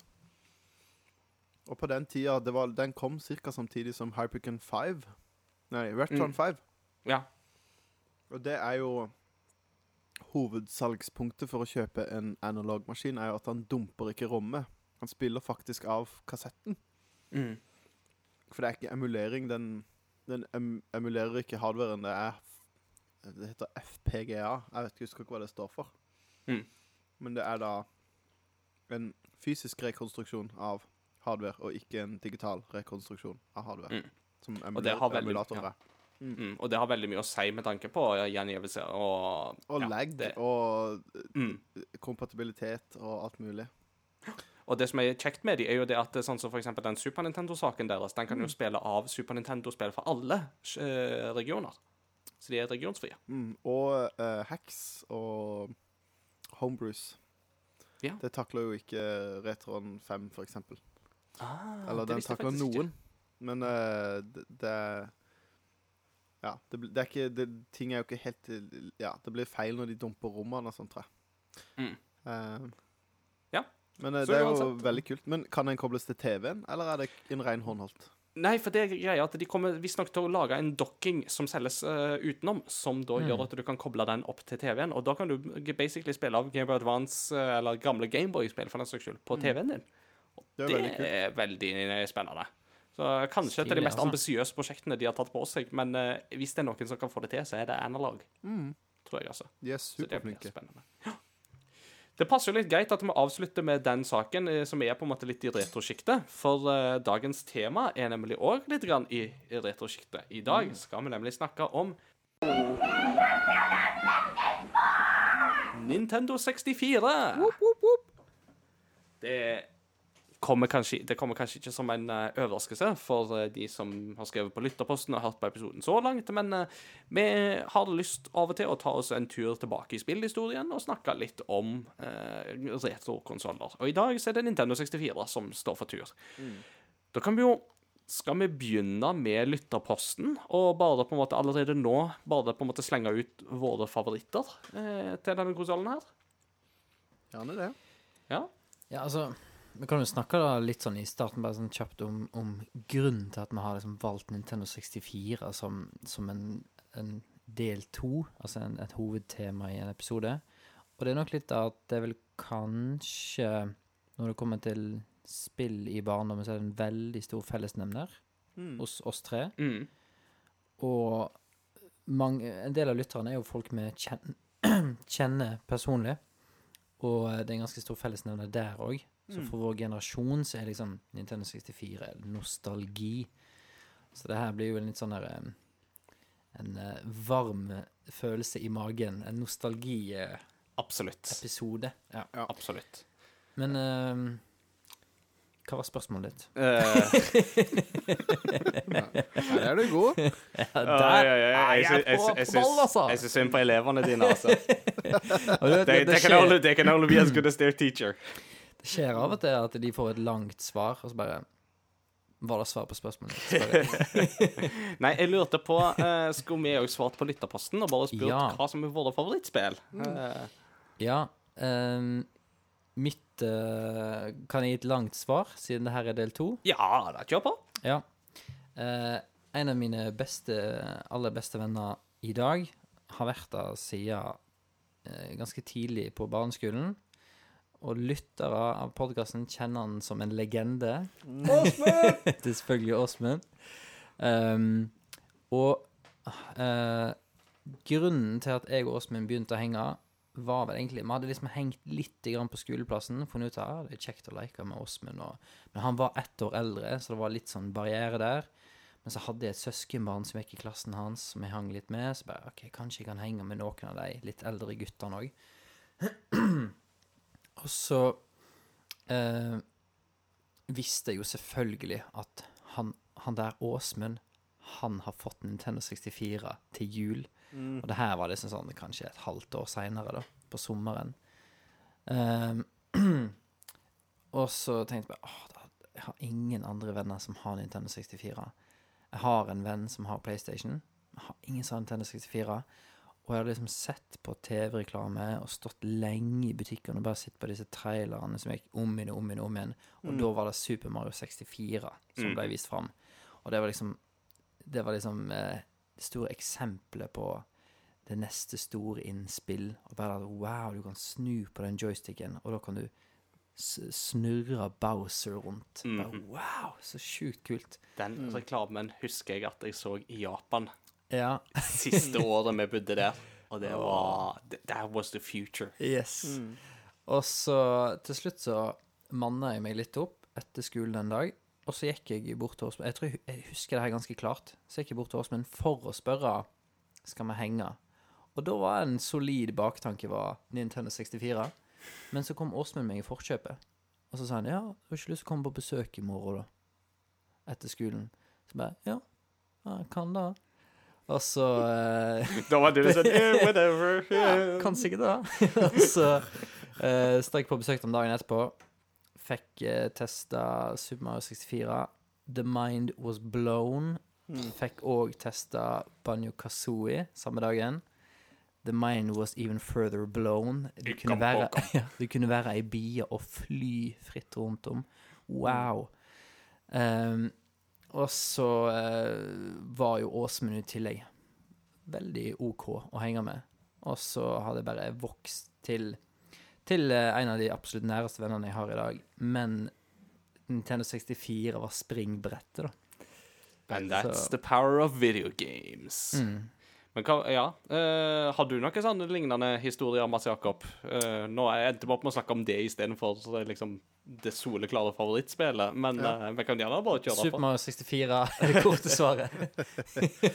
Ja, jeg føler liksom Jeg har jo en sånn historie, jeg òg, men uh, bare for å svare på spørsmålet ditt Det er jo, Jeg har jo sagt det før, Ocarina of Time er jo yndlingsspillet mitt Mm, av alle spill. og, Så det og, det er jo det, og, og det er jo det du begynner å tenke på når du lukter Head and Shoulders. Ja, ja. Nei, nei. Nei Herbal Essences. Herbal Ja, ja, ja, Essence. OK, sorry, my bad, my bad. Head and Shoulders, da tenker jeg bare på ungdomsskolen. Men eh, Nei, jeg, vi, når jeg var ti år, så flytta vi til andre sida av byen. Um, og uh, flytta inn i en helt sånn nybygd, nybygd nytt byggefelt. Jeg har bygd hus i en gate, og så eh, fant jeg ut at det bodde en gutt i nabohuset over, rett over veien som jeg skulle begynne i klasse med. Og så hadde foreldrene våre snakka om at vi måtte jo, da måtte jo vi på en måte bli introdusert. Eh, og da husker jeg jeg var hjemme hos han for første gang. Var litt sånn hei, hei. Sånn, Barn er jo ikke så veldig flinke på sånn dates. Eh, men så ofte så trenger du bare en sånn liten icebreaker, og da sa eh, stefaren hans sin eh, Kristian, kan ikke du vise, eh, vise Mats Jakob hva det er du har på loftet? Og så gikk vi opp, og så viste han meg Nintendo 64. Og da det første Nintendo 64-spillet jeg prøvde, var eh, eh, Star Fox, eller Lilat Wars. Ja. Og det er et spill som ingen nevnte som, uh, i den eh, lytterposten, som uh, er ganske høyt oppe på min liste. Ja. Mm. Jeg tror det ble nevnt i en setning, men det er det så. Men da fikk jeg med meg det. Men de, det, det var det første møtet med den, og jeg skjønte jo ikke hvordan jeg skulle holde den. Og det endte opp med at jeg tror for det meste satt og så på han spille. For at det, når du ikke er vant med den tredje dimensjonen, eh, 50% mer dimensjon, som eh, en skrev, så, så er det plutselig Det er jo litt mye å, å ta inn over seg første gang. Det, det er vanskelig å ta en barrel roll når du aldri har gjort det før. Eh, absolutt. Eh, så jeg fikk jo prøve, men det var Mm. veldig gøy å se på noen få det til. Det er jo liksom, det er jo alltid gøy å se på folk som er flinke i noe. Absolutt. Så vi så på det, og så fikk jeg prøve et spill som heter eh, Arrow Fighters Assault. Eh, som er sånn fly-sim-spill som er eh, supervanskelig den dag i dag. Så jeg syns det er litt morsomt at han hadde det spillet. Og så eh, seinere den dagen så måtte han vise meg eh, Han gikk inn på rommet til foreldrene og henta ut et spill som han visste hvor lå, men som han ikke fikk lov å spille, og det var Doom 64. Det var sånn Oh. det, det, det er Geir sitt spill. Det får ikke vi lov til å spille. det var det jeg fikk gjøre. Det får vi, det får vi ikke lov å spille. Det sto på hylla ved siden av han Jeg har tenkt på det ettertid. Han eh, Stefan hans, han var, eh, han var ganske nerd, han òg. Han hadde lagd sin egen sånn eh, eh, Zeno, Er det Xenomorph? De heter de Alien, de aliensene i Alien. Ja. Uh, han er lagd sin, ja, han lagd sin egen sånn en i liksom silikon og ståltråd, som var sykt bra. Og Oi. den sto liksom Doom 64 sto ved siden av Ved siden av den, da. Eh, Det er jo nok til å få mareritt da, for en stakkars tiåring. ja, ja, men det var Jeg bare syns det var så fett, den der eh, romvesenet. Men eh, Nei, så det, det var mitt første møte med Nintendo 64. Wow. Og så eh, eh, kan jeg jo enten eh, ta det nå, eller spare det senere med hvordan jeg fikk Nintendo 64. Men det Det kan vi jo vi kan, Jeg kan høre ditt møte, første møte først, uh, Ingar. Skal vi ta Ja. Ja, og så kan jeg spille ballen tilbake til deg etterpå. For at um, Altså, mitt første møte med Nintendo 64 var jo i Japan. Uh, fordi vi flytta tilbake til Norge i 96. Og Nintendo 64 rakk akkurat å komme ut i Japan før vi, før vi flytta. Eh, og i Japan så hadde jo ingen begrensninger når det gjelder TV-reklame for barn. Uh, og produkter som kan på en måte oppfattes som vanlige. Så spillreklame, det ser du støtt og stadig. Og det å liksom se Super Mario 64, eh, og der du ser liksom Mario driver på spinner rundt på Bowser og kaster han og alt det der, mm. det var sånn åh, var i butikk, var i buti en butikk så vidt òg og så, så de aksjonene. Fikk ikke testa det sjøl, liksom, men det å se det, det var sånn Husker fortsatt det var denne her um, ikke, ikke første verdenen i Super Mario 64, men den andre, det der fortet. Uh, med den her eh, steinblokken som du må slåss imot. Eh, det var liksom den verdenen jeg så da. Det husker jeg fortsatt at det, det var den. Og det var sånn eh, det, det og, og, og, og Hjemme hos oss, vi hadde ikke Super Nintendo da jeg, vokste opp. Vi hadde bare Famicom. Eller eh, NES, eh, altså 8-bit Nintendo. Mm. Eh, så det vil si at det å liksom se liksom fra 8-bit til 64-grafikk var jo utrolig å liksom se hva på en måte opplegg som var mulig der. Eh, så flytta vi jo til Norge. Etter hvert så kom Nintendo 64 ut der, og jeg begynte å mase og mase og mase og mase på Kan ikke vi få det? Og det var sånn Nei, vi har en Nintendo. Så det var liksom Så det, så det var ikke noe poeng. Men det maste og det drakk, eh, og jeg eh, sparte, ikke minst, alt jeg fikk av penger eh, fra besteforeldre og hele pakka. Og til slutt, bursdagen min i Jeg tror det var i 99. Eh, da ble jeg tolv, tror jeg jeg ble da. Mm. Hvis jeg hadde regnet riktig. Så fikk jeg en Jeg tror jeg fikk en liten ting av mamma og pappa, men så fikk jeg en konvolutt òg, og inni den konvolutten så sto det bare 'Du får lov å kjøpe en Nintendo 64'. og jeg, vet du, som var midt i uh, min første møte med Star Wars og alt, vet du, jeg jubla og ropte 'Endelig er kampen mot imperiet vunnet'! Og enten samme dag eller neste dag eller to dager senere så var det på lokale leketøysbutikken på Askøy, og så var det å kjøpe en eh, Nintendo 64 Value Pack, som da inkluderte Super Mario 64 og Mario Kart 64. Og den Oh. boksen har jeg den dag i dag. Det, så for meg har Nintendo 64 en utrolig sentral plass, for det var den første konsollen jeg kjøpte for egne penger. Mm. Og det var det, det, det, det, er litt av grunnen til at den konsollen fortsatt har en litt sånn spesiell posisjon hos meg. da. Mm. Skjønner jeg godt. Og da spiller jeg ballen tilbake til deg om hvordan du fikk din.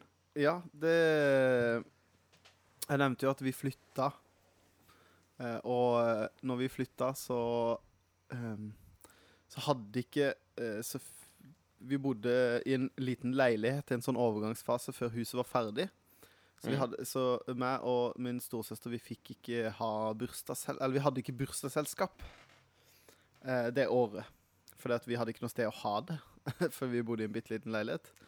Eh, og så når vi hadde flytta inn, og det var litt sånn kom utover, så sier eh, mamma og pappa veldig strategisk eh, Vil dere ha bursdagsselskap? Eller skal vi gå nå og kjøpe Nintendo 64? eh, så det var, det var ikke et vanskelig valg. Selvfølgelig skulle vi gå og kjøpe Nintendo 64 når Hører med dere, gang. det, hører dere det, foreldre som syns barnebursdag er sliter? slit? Det er bare å tilby en Switch i stedet. ja, det er ikke langt Mm. unna. Men det Men det var jo litt også Det hadde, var jo nesten et halvt år etter, eller over et halvt år etter. eh, Altså, det var litt sånn Så det passa egentlig fint. Så vi gikk og kjøpte en eh, Nintendo 64 med Altså den standardpacken med Mario 64.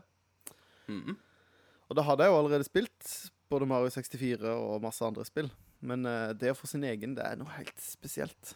Så Det det var, liksom, altså. det var den første konsollen jeg var på en måte gammel nok til å på en måte ha være med å få. Jeg vokste jo opp Mm. med en uh, 8-bit Nintendo, jeg òg. Så jeg hadde Mm. heller ikke Super Nintendo.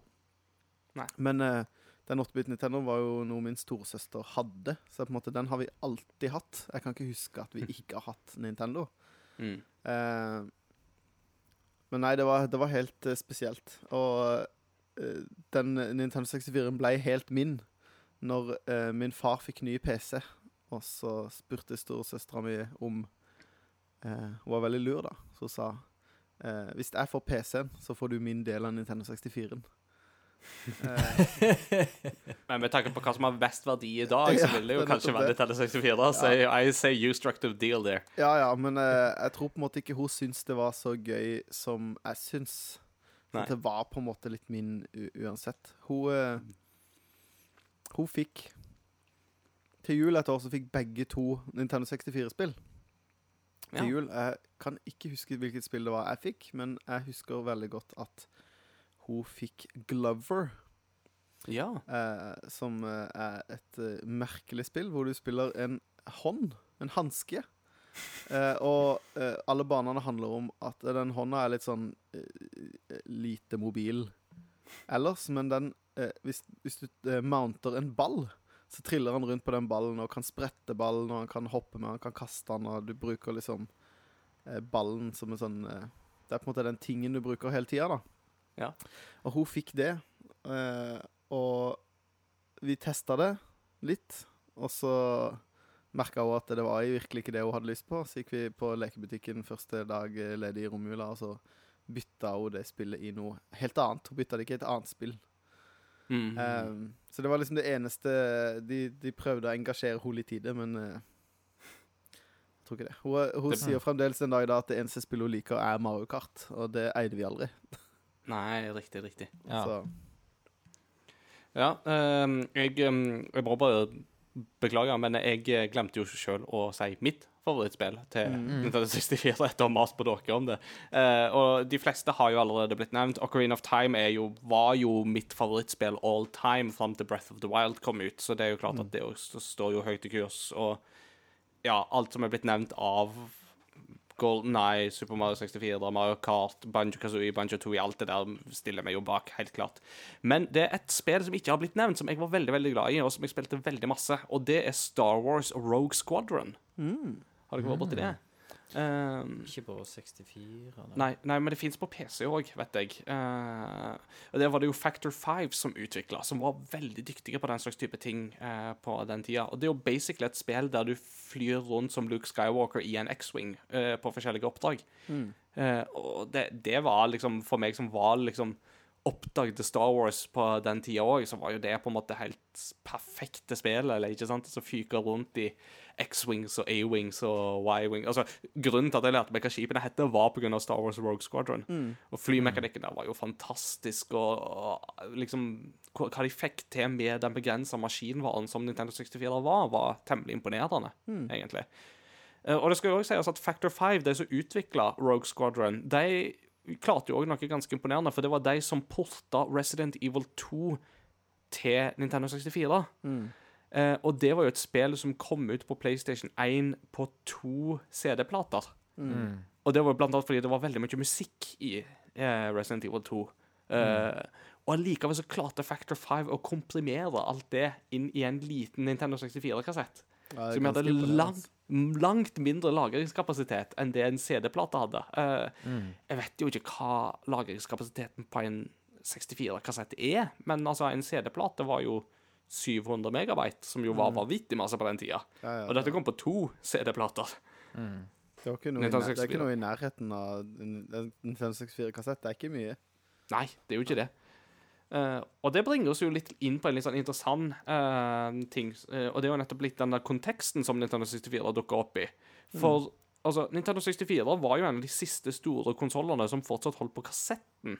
Eh, mens dette var jo på det tidspunktet der mange av konsollutviklerne hadde prøvd å komme seg inn på CD-rom-markedet fra tidlig 90-tall og utover, fordi en skjønte raskt at CD-rom hadde veldig stor kapasitet, eller veldig store muligheter, veldig stort potensial.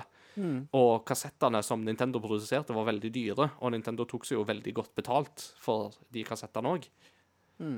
så Men de holdt fortsatt på den der kassetten, altså. Uh, og det er jo litt sånn interessant, fordi at eh, dette er jo en historie som ikke så veldig mange vet, men PlayStation dukka, altså ble jo til som en konsekvens av at Sony og Nintendo prøvde å samarbeide om en CD-rom-driv til Super Nintendo. Mm. Og den skulle jo hete eh, Nintendo PlayStation, eller noe sånt. Eh, men, og den, det, det fins jo bare en prototyp av den. Eh, og den, det fins jo en i USA som oppdaga den prototypen. Han hadde tilfeldigvis den på loftet. Så det fins én fyr som liksom eier den prototypen. Uh, ellers så fins jo den nesten ikke. Det var jo nesten en urban myth lenge. En urban legend. Det var, ikke- Folk var ikke sikre på om den eksisterte eller ikke. Uh, men greia er jo det at hadde det hadde det samarbeidet der gått i boks, så hadde jo spillmarkedet i dag sett vesentlig annerledes ut, sannsynligvis. Fordi da hadde Nintendo gått over på CD-rommer mye fortere. Men fordi det floppa, og prosjektet med Philips, eh, som lagde CDI-en, floppa, så tviholdt Nintendo fortsatt på kassetten. Men kassetten gjorde vel at eh, sånn som loading og sånt var masse raskere hos Nintendo enn hva det var på PlayStation. Mm. Men uh, lagringen var litt trøblete. Mm. Ja, og det som jeg syns er enda mer interessant enn eh, Altså, på Super Nintendo så planla de en CD-rom add-on, men på Nintendo 64 så kom det en diskett-add-on. Så de gikk ja. måte tilbake i format Riktig. på neste generasjon. Det er jo kjempespesielt. De ga ut en, eh, en add-on som heter Nintendo 64 eh, DD, Mm. som jeg har lært eh, på quizen vi har vært eh, på, at ikke står for disk drive, men det står for noe annet. Men den blir kalt for disk drive. Uh, dual disk, kanskje? Jeg husker ikke hva det var, men det, det var et av spørsmålene om hva står DD for, og jeg tror Mm. samtlige i rommet fikk feil. Uh, men uh, den floppa jo, kom bare ut i Japan. De sies Mm. at det solgte 15 000 enheter, og det er jo peanuts i forhold til hvor mange Nintendo 64-er som ble solgt. Det er sant. Eh, så det floppa jo ganske hardt. Og Ocarina of Time og mange andre spill skulle jo egentlig komme eh, på den eh, diskdriven, da. Eh, og tanken med den var jo at de kunne eh, faktisk En av tankene de hadde med det, var jo at de skulle kunne gi ut DLC. For at du Mhm. måtte ha både disketten og spillet, eller at du kunne gi ut DLC til eksisterende kassetter på diskett. Eh, og et av de, det var ett spill som fikk en sånn DLC-pakke, da, hvis du kan kalle det det. Og det var F-Zero X, som jeg vet at du er veldig glad i, Ingar. Det er riktig. Eh, Det fikk en DLC-pakke hvor du blant annet kunne ha en eh, Du kunne lage dine egne baner. Ja, stemmer Og det spillet spillet har ganske crazy baner i utgangspunktet. Og jeg har sett noen mm. videoer av den baneeditoren der, og det, du kan gjøre ganske mye kult Mm. med med den. Jeg har sett noen sånne 64 DD-er i Japan, og på et eller annet tidspunkt så må jeg jo skaffe meg en før det blir for seint. Uh, Ja, jeg har dødslyst på, men de koster eh, jeg, tror, jeg har ikke sett en gå for under 5000 kroner de siste tre årene, så det er, det er en eh, stiv pris. mm. Speaking of add-ons til Mm. Nintendo 64, så uh, Åsmund igjen Mm. Han, eh, jeg husker han fikk eh, Ocarina of Time til bursdagen en gang, og vi hadde liksom lenge sett på det som en litt sånn voksnere vanskeligere spill, Mm. Mm. og litt sånn skummelt å begynne med. Men etter liksom å ha hatt Etter oss vi hadde hatt det noen år, og det, ja, det tok noen år å gjennomføre det, Mm. så var, var vi liksom klare for OK, det neste store kapitlet Ja, det må jo, det må jo bli det neste Zelda-spillet. Og det er òg til Nintendo 64. Mm. Majoras Mask. Stikket. Kjø jeg reiste til Bergen, jeg tror jeg reiste til Bergen, kjøpte det. Tok det med hjem, og så står det plutselig på pakken eh, en sånn rød og svart dings som, Expansion pack. som du Mm. ja, måtte ha for å kunne spille det spillet her. Så bare, What? Og nå, nå er vi i det, i det århundret, holdt jeg på å si, i det året at GameCube har kommet. Så spillbutikker og butikker som selger spill, har slutta å selge disse tingene her. Så jeg husker at uh, foreldrene til Åsmund ringte rundt til forskjellige spillbutikker i Bergen, Os, uh, i um, uh, Ja, Bergen omegn, og bare liksom at fant til slutt en eh, butikk som hadde en sånn expansion pank liggende på lageret. Og da var det liksom kjøre, Mm. kjøpe den, og så var du klar for Majoras Mask. Og, og, la meg se om jeg husker riktig. Expansion pack, den økte rammen, ikke sant? Jeg er fra sånn Mm. 16 Ja, fra- til 32. Nei, nei, nei, jeg tror det var mindre. Jeg tror det var fra fire til åtte. Ja, han Ja, økte med 4. Ja. Det, det som er viktig, er den eh, packen som står i fra før av, den som er populært er kalt jumper pack. Mm. Eh, mange tenk, man tenker jo at å, ja, det er rambrikka, men den jumper packen er ikke en rambrikke i det hele tatt. Det er bare en chip som reruter videre. Den gjør ingenting annet enn å si at her er det ingen ram. Den er bare en placeholder. si. Ja, det er bare, det er bare sånn, sånn at den på en måte ruter det, på en måte, hva skal jeg si, informasjonen videre. Da, eller sier at liksom Mm. Å ja. Det er litt sånn der eh, These are not the droids you're looking for. there, there are no ram here. så, so, so Jumperpack burde egentlig hete The Obi-Wan Pack. Ja. Jedi pack. Jedi Pack. Men snakker om dette med crazy add-ons og sånne ting, så er det jo noen ting som jo fikk på en måte litt mer levedyktighet. Og én ting var jo selvsagt Rumble Pack, Oh, som jo var på en måte Der satte jo Nintendo en standard som jo alle andre har kopiert i ettertid. Eh, nemlig dette med at eh, du kunne kjøpe en eh, dingseboms som du kobla i håndkontrollen på Nintendo 64, for den hadde en sånn plugg på undersida. Og den gjorde jo da at kontrollen din rista Eh, som jo da var for eksempel eh, i Ocarina of Time, hvis det var, hvis det var i nærheten av en Gold Skulltula og hadde fått en sånn spesiell uh, item, så kunne du kjenne at kontrollen begynte å riste. Mm. Som da indikerte at her er det en i nærheten, og jo nærmere du kom, jo mer tampen brant, så rista den mer og mer. Så jo Minds were blown. Ja. og nå så tenker vi at ja, men det gjør jo alle kontroller, men de hadde jo ikke gjort det før på den Nei. tida. Og Eh. den kom jo eh, De lanserte den jo sammen med Lilat Wars. Ja, det er riktig. Jeg har faktisk den, um, jeg har den pakken eh, som jeg kjøpte i eh, London i fjor, med Lilat War-spillet og Rumble Pack. Mm. Og en annen sak som jo òg fikk litt levedyktighet takket være Pokémon Stadium, var jo denne her Transfer Pack. Mm. Som var denne der du kobla til, og så kunne du overføre data mellom Gameboy og Nintendo 64. Mm. Eh, Ja. Som jo da eksempel var at du kunne overføre Pokémon fra rød, blå og gul til Pokémon Stadium 1 og 2. Den, Ja. den uh, Men det som er viktig med den, er at den Det var ikke På Super Nintendo så hadde du game, kunne du kjøpe en Gameboy Player, altså som gjorde at du kunne spille Gameboy-spill på Super Nintendo. Mm -hmm. Men den transferpacken, den funka kun til Pokémon-spill i Pokémon Stadium. Du kunne ikke bruke den til å spille Gameboy-spill ellers. Nei, Så, sånn sett er det jo en veldig sånn utrolig snever dings. veldig Mm. Som kun kunne brukes i ett spill med tre Gameboy-spill som i praksis er det samme Gameboy-spillet. Litt sånn som den der eh, Den um, pokéball-kontrolleren til Pokémon Let's Go, som Mm. ikke du kan bruke på kom kommende Pokémon. Ja, faktisk. Faktisk så er ikke det en dum tanke, det, altså. Men eh, jeg kom plutselig på det med, når de begynte å snakke om packs og sånn. eh, så husker jeg at eh, en, komp en annen kompis i barndommen hvor der òg hadde familien Nintendo 64, men da var det storebrødrene hans. Han her var yngst i familien.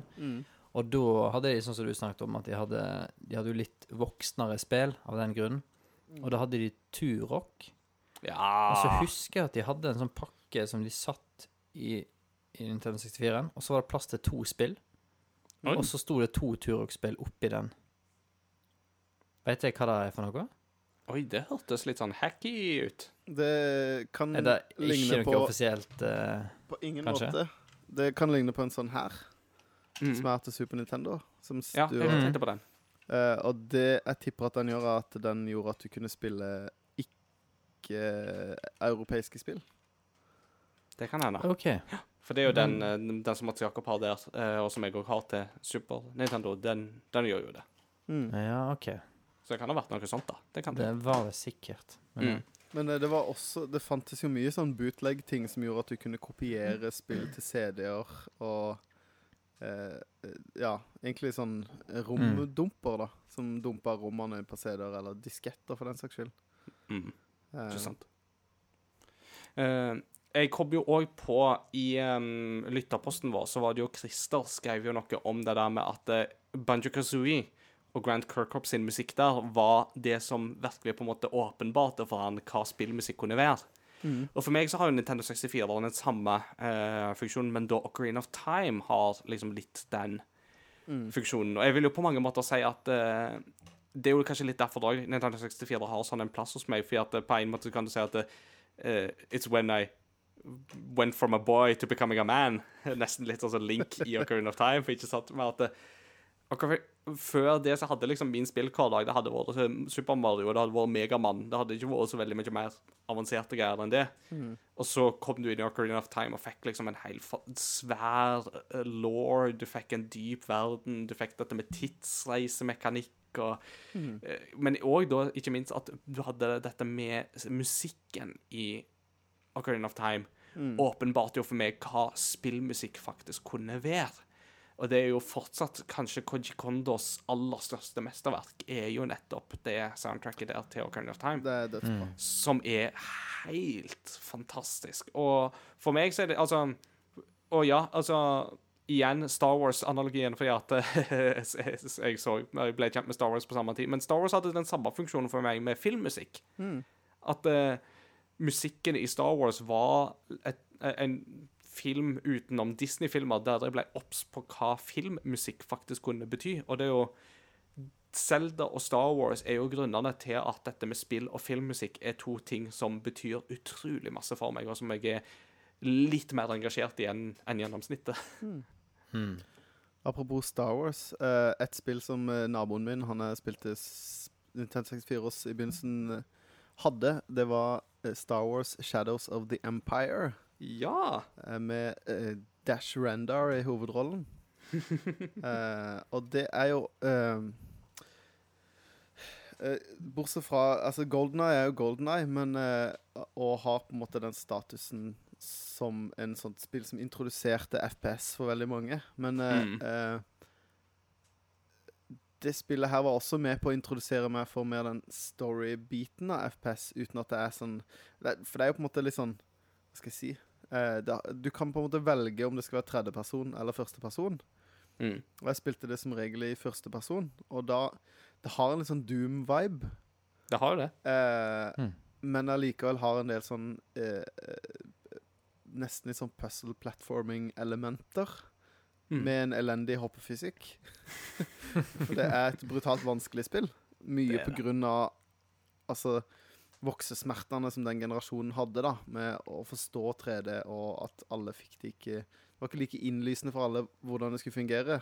Nei. Eh, Mm. som igjen vil eh, ta meg videre til en ting jeg hadde lyst til å snakke om, og det er jo hvor sinnssykt det egentlig er at det første store 3D-plattformspillet eh, som egentlig kom ut, Mario 64, hvor at Nintendo klarte å lage et så bra spill Mhm. uten noen forutsetning. De hadde ingen sammenligningsgrunnlag.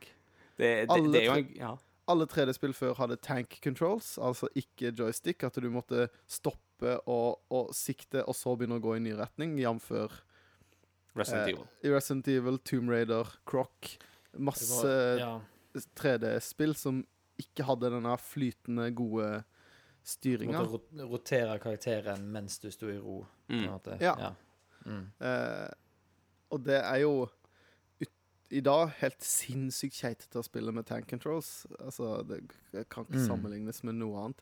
Og i Resident Evil fun fungerer det fremdeles bra fordi at det er statiske rom Mm. som du beveger deg i, og det er ikke liksom om å gjøre å gå fort, men når du er Lara Croft og blir jaga av en firkanta tiger, eh, så eh, så er det ikke så lett, på en måte. Det er mye lettere i Mario, og det slår meg igjen og igjen hvor helt sinnssykt de traff spikeren på hodet. Og så Mm. tenker jeg sånn, Du kan jo si tilfeldig, men jeg føler ikke det er tilfeldig med Nintendo heller. Eh, og at det er en sånn erkejapansk greie om at liksom dette skal være dødsbra. Og det er jo det, det, det, altså, det er jo en grunn til at det spillet fortsatt står som den Altså fortsatt har den klassikerstatusen det har, fordi all vår oppfatning av 3D-plattformspill og 3D-adventures, sånn som vi kjenner det i dag, har utrolig mye de skylder Super Mario 64, som du sier, nettopp pga. det. Og igjen så er det jo noe med på en måte Dette er jo veldig gøy, da, men altså Shigeru Miyamotos makt i Nintendo er jo veldig stor på denne tida her, og hans designfilosofi rundt Super Mario 64 var jo til en viss grad med på å avgjøre hvordan håndkontrollen til Nintendo 64 ble seende ut. Ja. Ikke sant? Så det var på en måte De satsa fryktelig mye på det. Og altså, den, den håndkontrollen, å holde den i dag, det føles veldig, veldig, veldig rart. det føles ikke så behagelig å gå tilbake til som å gå tilbake til f.eks. PlayStation eh, sin første håndkontroll, som er vesentlig bedre sånn sett å holde. Det er litt sånn Det, det virker nesten som et desperat grep av Nintendo å komme seg inn på 3D-markedet med den der trearmede romskipet. Det ser jo ut som et Cylon-skip fra Battlestar Galactica, nesten. Men likevel, da. Uh, Miyamoto liksom kjører på med sitt, og de designer kontrollen rundt det, som gir det det resultatet der. Det er Jeg er helt uenig med det. Jeg syns Nintendo 64-kontrollen er kjempegod, og jeg kan ikke fordra PlayStation eh, DualShock-kontrollen. Jeg synes Den er helt Den føles som den er lagd for femåringer. men, men, men kan vi være enige om at GameCube-kontrollen uansett er den beste? Ja, ja, det er det ingen tvil om. Ja. Men eh, det er jo ikke den originale PlayStation-kontrollen. Nei, men den, den er jo helt lik, bortsett fra at han hadde to thumbsticks. Og det syns jeg jo òg Ja. er eh, Kritikken mot det er jo at de hadde, Jeg syns jo ikke thumbsticksene er plassert på noe god, godt sted. Eller jeg syns ikke den kontrollen er behagelig å spille med, det er, men det er jo utrolig smak og behag. Ja, du var men, en skott eh, skrått istedenfor, på en måte? Mhm. Altså du vil ha den joystick-placementen skrått, på en måte? Ja, litt sånn eh, som at eh, jeg strever veldig med å spille Switch håndholdt, for jeg syns at den høyre analogstikken er så dumt plassert. Ja. Eh, men eh, jeg syns ikke han er på en måte ergonomisk eh, plassert, men det er en ikonisk kontroll. Eh, Mm. På mange måter. Mm. Eh, I den Ja, nei, bare før vi forlater Nintendo-kontrollen, Mm. så husker jeg at i den herre fantasidelen, før jeg liksom fikk testa Nintendo 64 hos Åsmund, mm, og liksom så han i butikker, så han liksom innpakningen, så liksom på trailere, så husker jeg drev og fantaserte og tenkte og lurte fælt på hvordan skal du holde den kontrollen? mm. Skal du holde de to ytterste, i midten og til høyre, i midten og til venstre? Eh, Liksom, jeg klarte ikke liksom skjønne hvordan i huleste du skal bruke den. Det er Ja. kjempeviktig. Jeg leste en artikkel da på, eh, på kotaku.com eh, om eh, hvor noen hadde da gravd fram Nintendo sine nettsider fra, fra denne tida, fra midten av 90-tallet. Oh, Ja, jeg har lest den. Leste den? Stilig. Og der var det et bilde på den nettsida hvor det sto det spill. Og da var det et bild, en illustrasjonsbilde om at du kan holde midten og høyre. Midten og Nei, eh, høyre og venstre. Men også et illustrasjonsbilde hvor du holder midten og venstre. Altså Ja. D-paden og thumbsticken. Men jeg tror ikke det er noen spill som bruker den, det styresettet. Jeg lurer på om det kanskje fins noe, men altså, Did You Know Gaming tror jeg har laga noe på det, Ja. faktisk, som er verdt å sjekke ut. Det kan godt hende. Eh, men jo, altså, jeg så den artikkelen sjøl og tenkte at uh, hmm, da, da fikk jeg assosiasjoner til Space Jam-nettsida som Ja, ja, ja. eh, Mats Jakob snakket om i en av våre aller første episoder. tenkte jeg på. Først, en av de første kuriositetene, ja. Ja, blast from the past, Men altså. den, men ja, litt bedre design av den Nintendo-sida enn den Space Jam-sida, da. Men sant? Ja, ja, absolutt. En ting som jeg også tenkte litt på når du nevnte Shadows of the Empire Mm. uh, Nå har jeg ikke rukket å sjekke dette her, så dere får ta det litt med en klype salt, men jeg mener å ha lest en gang at LucasArts og Lucasfilm brukte faktisk Shadows of the Empire som en liten sånn test for å sjekke hvor stemning var det faktisk for mer Star Wars-materiale blant dagens unge og dagens publikum, og at de rett og slett brukte det som en slags lakmustest for å prøve al- Altså, hvis det hadde floppa, så er det ikke sikkert at de hadde gått videre med å lage Star Wars episode 1. Ja. Og liksom lage en ny filmtrilogi, og at dette var på en måte testen da for å se inn mot markedet er det stemning for Star Wars fortsatt. Og tydeligvis solgte det godt nok da til at de definitivt satsa på det. Eh, igjen, jeg har ikke dobbeltsjekka dette nå, for at uh, jeg kom kommer ikke på at Shadows of the Empire kunne bli ei greie vi kunne snakke om, men jeg er ganske sikker på at jeg hadde lest det iallfall en plass, og så får vi Får folk heller verifisere det eller ikke. Eh, apropos det, men eh, det er jo eh, Etter at eh, Disney kjøpte Kjøpte eh, eh, LucasArts, eller Lucasfilm og alt det, så avkanoniserte de jo Shadows of the Empire. Det er jo sant. Eh, sånn at det For det var en sånn ting som jeg og barn det var så, Jeg synes det var så, Jeg var jo ikke kjent med noe annet enn de første filmene, og seinere da de neste tre. Men, men det var så spennende for meg at det var noe mer. Jeg visste Mm. ikke om bøker og tegneserier. Jeg hadde sett én tegneserie én gang og tenkt liksom OK, det her, det her var rart. Hvorfor har Princess Leia et rosa lasersverd? Men eh, Men jeg likte at det var noe mer, noe annet. Mm. Eh, som er også eh, Også litt samme grunn til at jeg er litt interessert i det her nye Star Wars-spillet. Nå husker jeg ikke hva det heter. Eh, Jedi Fallen Order. Ja, for det, at det er på en måte ikke Jedis og Luke Skywalker. Det, det er på en måte en, et, en annen side av det universet, da. Ja, og at det kanskje kan få litt den samme funksjonen. Mm. Jeg hadde en litt gøyal opplevelse på akkurat det der med en av niesene mine, som fikk en sånn opplevelse da jeg kunne fortelle at det finnes Star Wars-bøker. Eh, altså uh, at Expanded Universe er greia, og hun bare Er det Star Wars-bøker?! Så gjett hva hun fikk eh, bursdagen etterpå, eller jula etterpå. Da var det Gamebox. Ja. Hey! Å, der er du god igjen! Uh, nei da, da, da god var der, det ja. Star, um, denne Star Wars-boka som heter Lost Stars, tror jeg, som er en av de beste Ja. Star Wars-bøkene i nye kanon. Som er veldig gøy. Om to barndomsvenner som havner på hver sin side av konflikten. Mm. Veldig spennende. Um, uh, ja. bare hvis, hvis vi skal prøve å liksom eh, gå inn mot en slutt, Mm. så et litt sånn um, et, spørsmål, et siste spørsmål vi kan stille oss alle tre. eh, som ikke handler så mye om hvordan det var liksom, å spille Nintendo 64 når det kom, og bare heller Nintendo 64-gleden. Men eh, når vi ser oss tilbake, hva, hva tror du på en måte um, var Ja, OK, nei, vi kan spørre om det òg, da. Hva, hva tror du var viktigst av av de to konsollene denne generasjonen her? Altså, da tenker jeg 64 og PlayStation. Eventuelt, hva, hva ser det tilbake på som den beste? Mm. Som konsollen, hele biblioteket, hva har det å si for Mm. bransjen? Ja. Eh, disclaimeren her blir jo det at jeg hadde ikke PlayStation 1 da jeg vokste opp. Jeg hadde jo ikke PlayStation 2 heller. Altså Min første PlayStation var Playstation PlayStation Eller PlayStation 2 var min første, men den kjøpte jeg først da PlayStation 3 var greia. Så jeg kom ganske seint på det kjøret. Men jeg tror jo det at eh, begge konsollene har hatt sitt å si på hver sine felt. Eh, altså Hele denne generasjonen her som vi snakker om der, er jo utrolig vanskelig å gå tilbake til i dag. Det er kun noen få spill som har klart å holde seg ganske greit. Men hele den der tidlige 3D-polygon-generasjonen er utrolig vond å gå tilbake til å spille i dag, altså. Men samtidig så ser vi på en måte starten på noe stort med begge disse konsollene her. Altså, PlayStation brakte på en måte hele spillmediet opp til et nytt nivå, på samme måte som Sega gjorde litt i sin tid, ikke sant? med å gjøre gaming til noe litt mer kult, noe litt edgy, noe liksom Sega does what Nintendo don't.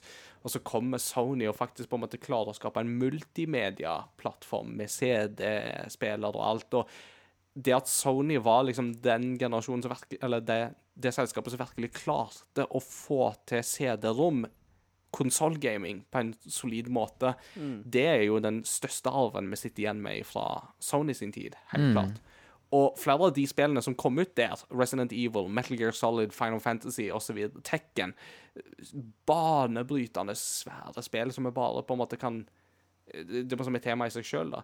Men igjen, Nintendo òg lå ikke på latsida. Med på en måte de begrensede ressursene de hadde på Nintendo 64, så klarte de å tyne ut noen tidløse klassikere som vi har snakka om her i dag. Super Mario 64, Legend of Zelda, Lilat Wars eh, og selskap som Rare ga oss Banjo Kazooie, eh, Perfect Dark, Golden Eye. Alt dette her, altså. Kjempestore eh, ting.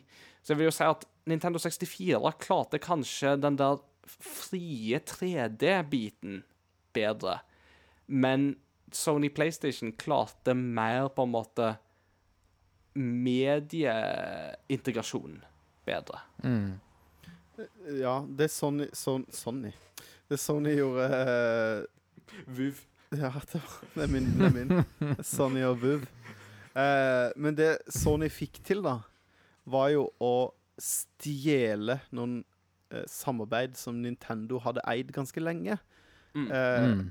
De stjal i veldig Altså ikke utelukkende, men de stjal i veldig stor grad eh, Konami, som hadde gitt ut noen store, spesielt på 8 og 16-bit. Mm. De stjal jo helt Square Enix, eller Square på den tida, og som da ble Square Enix på den tida, som jo altså Hva skal jeg si Den store Altså Nintendo hadde Ocarina of Time, men Sony PlayStation hadde Final Fantasy 7. Ja. Eh, og det var jo Mm. en sånn Det var jo en stor knekk, på en måte. Og jeg tror det, var gr det er grunnen til at uh, At Eller en av grunnene til at ikke det er på en måte Nintendo 64 som står igjen. Altså 8-bit-generasjonen. Det er jo Nintendo. 16-bit-generasjonen. Litt større krangel, men det er likevel Super Nintendo. Det er det folk Mm. snakker om i dag. Og så kommer vi til den generasjonen, og der er folk veldig splitta. Mm. For det var veldig mange som, som hoppa av Nintendo-toget, eller hoppa på spilltoget pga. PlayStation. Ikke sant? Eh, Mm. Så du får et større skille, og de spillbibliotekene er veldig ulike. Eh, Ja. og Sony Nintendo klarte ikke helt å på en måte vokse opp i gåseøynene med eh, publikummet sitt på samme måte som PlayStation kom inn og gjorde den Sega-greia som du snakka om, da, og var litt mer edgy og hadde litt mer voksent innhold. Mm. Eh, og de beste spillene på Nintendo sin plattform er jo superfargerike og sjarmtroll som er ganske harmløse. Eh, selv uh, Lilet Wars, som handler om en eh, intergalaktisk eh, krig mot en, en, svært, en svær robot og en armé og ditten og datten, så er det likevel kjempekoselig og har eh, Ja. Det måte, hadde det blitt lagd til PlayStation, så hadde det ikke sett sånn ut. Hadde ikke Nei, hatt den da hadde det hadde hatt en annen innpakning. Mm. Um, og det tror jeg er noe som gjør at det skiller veldig mange, da. eh, i- på de generasjonene. Men så er det jo også Det er jo på en måte også litt sånn eh, Poenget eh, Du understreker jo poenget, Christian, når du sier den generasjonen med Sony og med Nintendo og Sony. For det var jo også Sega. Hadde jo Sega Saturn. Mm. Mm. Eh, og så enda det Dreamcast. Ja, ja, men de hadde Sega Saturn. Og så hadde jo Atari hadde jo Jaguar. Ja. Eh, og Stemmer. ikke i eh, ehm, Ja, det var jo flere andre også i, som ikke kom til Norge, da. Men, eh, men allikevel, det er Over hele verden så tenker jo folk at det var Nintendo 64 og PC1-generasjonen.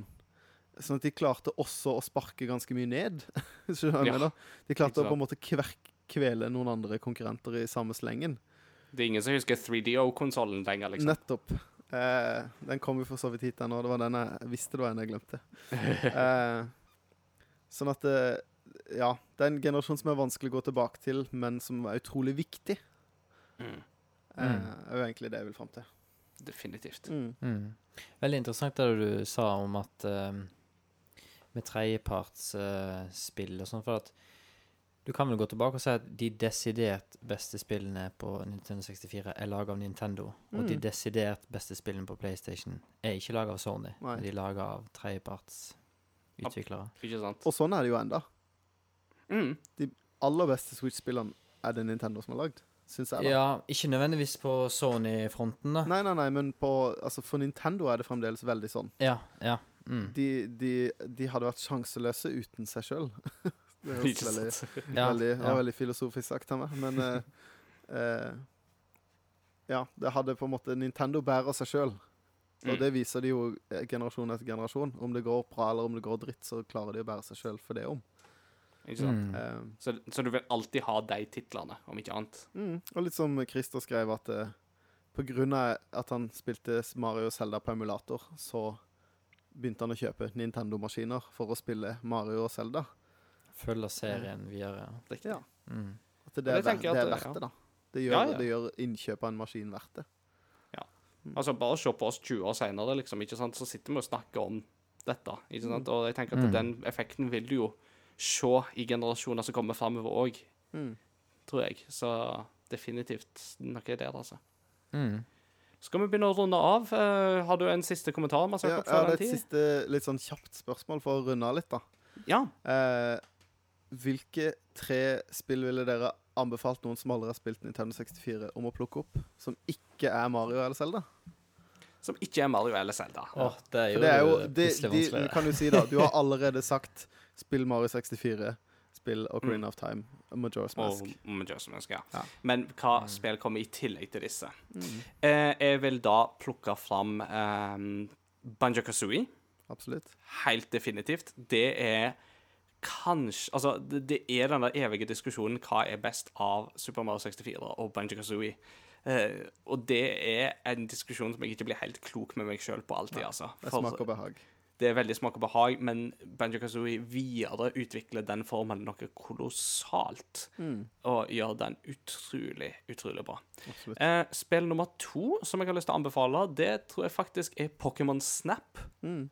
Som er den, dette Pokémon-spillet der du spiller en sånn mm, figur som jeg ikke husker navnet på akkurat nå. Han dukker opp i animeen òg, faktisk. Og han er fotograf, så hele Pokémon Snap handler bare om å ta bilder av Pokémon. Eh, og da må du kaste litt sånn mat og sånn til de, og, og Ja. Eh, veldig sånn sjarmerende, unikt lite Pokémon-spill fra tidlig i Pokémon-fasen. Ja. Det- Og det siste jeg da vil eh, nevne, den eh, Da tror jeg jeg går for Rogue Squadron, altså. Star Wars Rogue Squadron.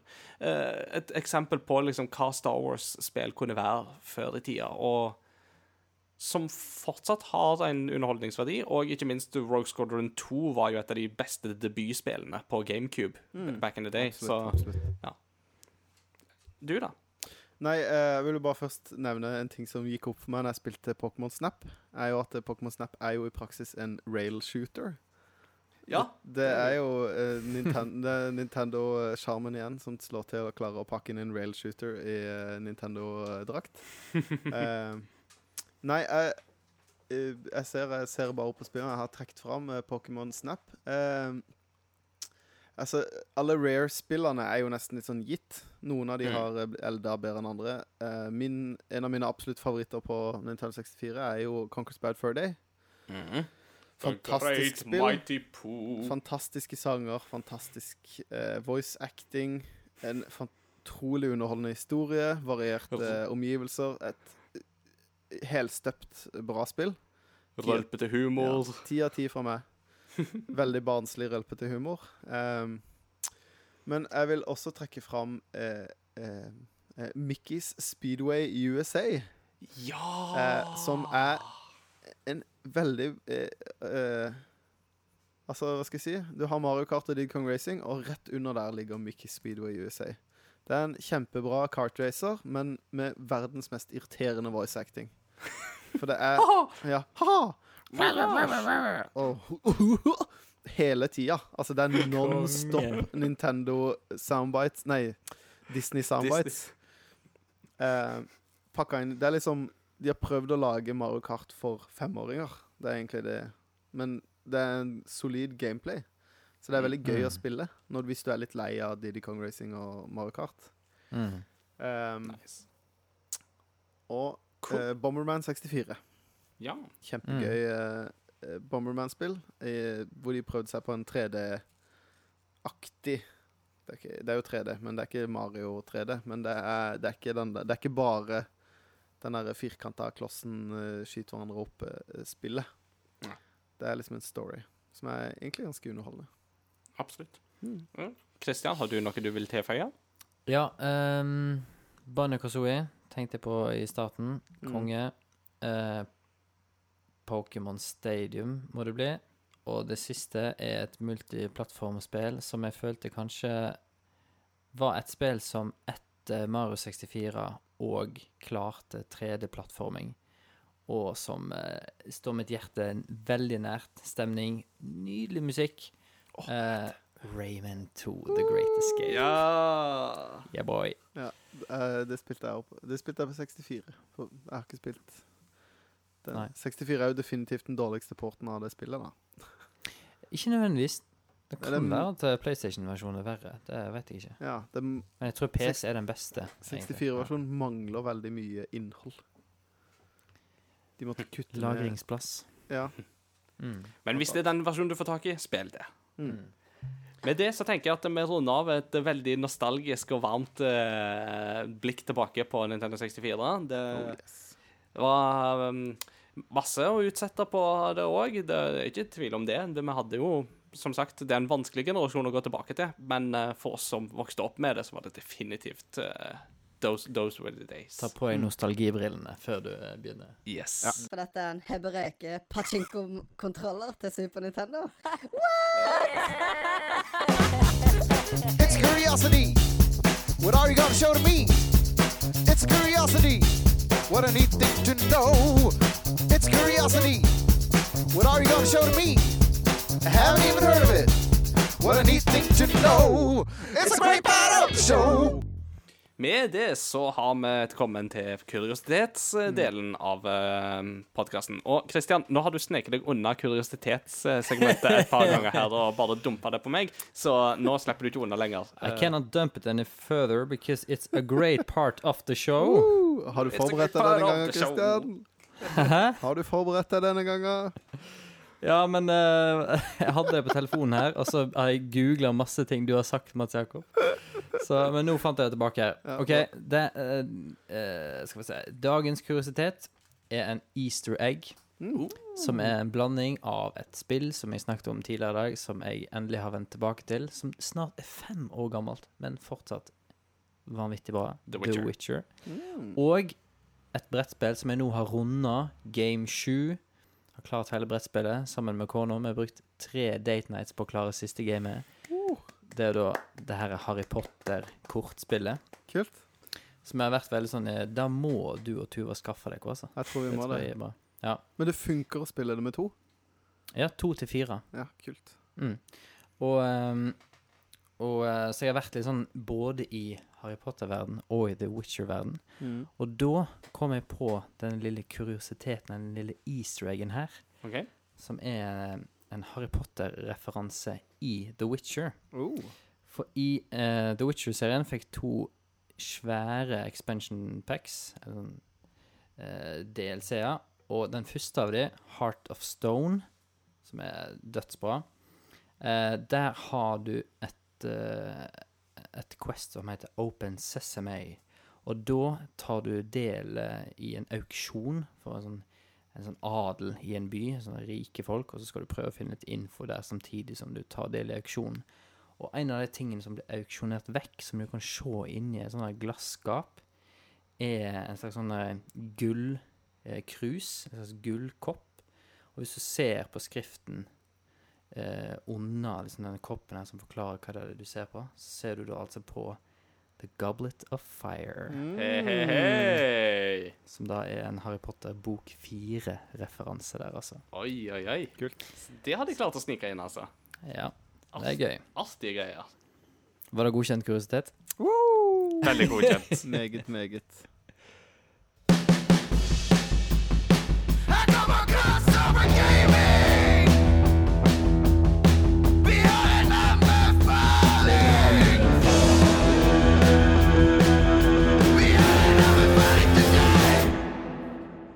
Und jetzt komme und, und jetzt komme eine Anbefahlung. Anbefaling. Yes. In, in association with Rammstein. All right. Anbefaling ville du eh, prøve deg på, Mats Jakob. Oh, yes. Så hva har du lyst til å anbefale for lytterne våre i dag? Det jeg har lyst til å anbefale, det er ikke uh, Det er uh, på YouTube, okay. men det er ikke en eh, YouTube Så jeg skal ikke hale den podkasten lenger ut her nå. Ja, Vi skal ikke dra det ut, men var det en til som ville si noe? Nei, det er rett og slett um, en YouTube-kanal jeg har sett på veldig lenge, men jeg vil snakke om en, en, en eh, serie de har på YouTube-kanalen. Uh, YouTube-kanalen den heter så mye som nå heter han Stop Skeletons From Fighting. Ja. Men før så gikk han under navnet Happy Video Game Nerd. Han har vært på YouTube veldig lenge. Kom eh, ikke så lenge etter Angry Video Game Nerd. Og drev da med Happy Reviews istedenfor Angry Reviews. Ja. Og så rebranda han seg sjøl for noen år siden. Og ehm, på den kanalen så har han eh, Det er en fyr som heter Jason Alexander. ja, det er jo George fra Seinfeld. Ja, nei, det er ikke han, men han tror er, Ok. det, er ikke det han heter? Han heter et eller annet Kanskje jeg husker feil. Han heter et eller annet Alexander.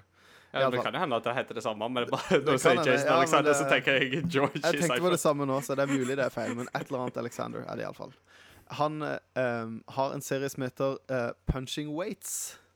Eller Punching Oh. Weight, uh, som er, som han sier sjøl, It's a celebration of the weird, the, uh, the weird, the funky and the unnecessary. Hvor han da snakker om rare ting i spillmediet, som for eksempel Han snakker om eh, eh, han har helst tre-fire episoder som handler om FPS, eh, på Gameboy Advance. Oi. Eh, og hvilke spill som fikk det til, eventuelt ikke fikk det til, og på hvilken måte de løste det. Han har en egen som handler om kun om lang serie som handler om porter av spillet Doom. Eh, Ja, alle mulige porter av Doom, og da gjerne da også typ, ting som Gameboy Advance-porten av Doom. Som Yes. på hvilken måte de har løst det. Ja, og du som liker litt sånn Specs-ting, Christian, du hadde nok likt det her. Ja, han snakker om liksom rare accessories og eh, Ja, typ alle sånne merkelige ting. Til og med liksom Han snakker om eh, Det er et spill som heter Faceball 2000, som kom blant annet på Gameboy, som er et FPS-spill som i teorien støtter opp til 32 spillere i multiplayer på original Gameboy.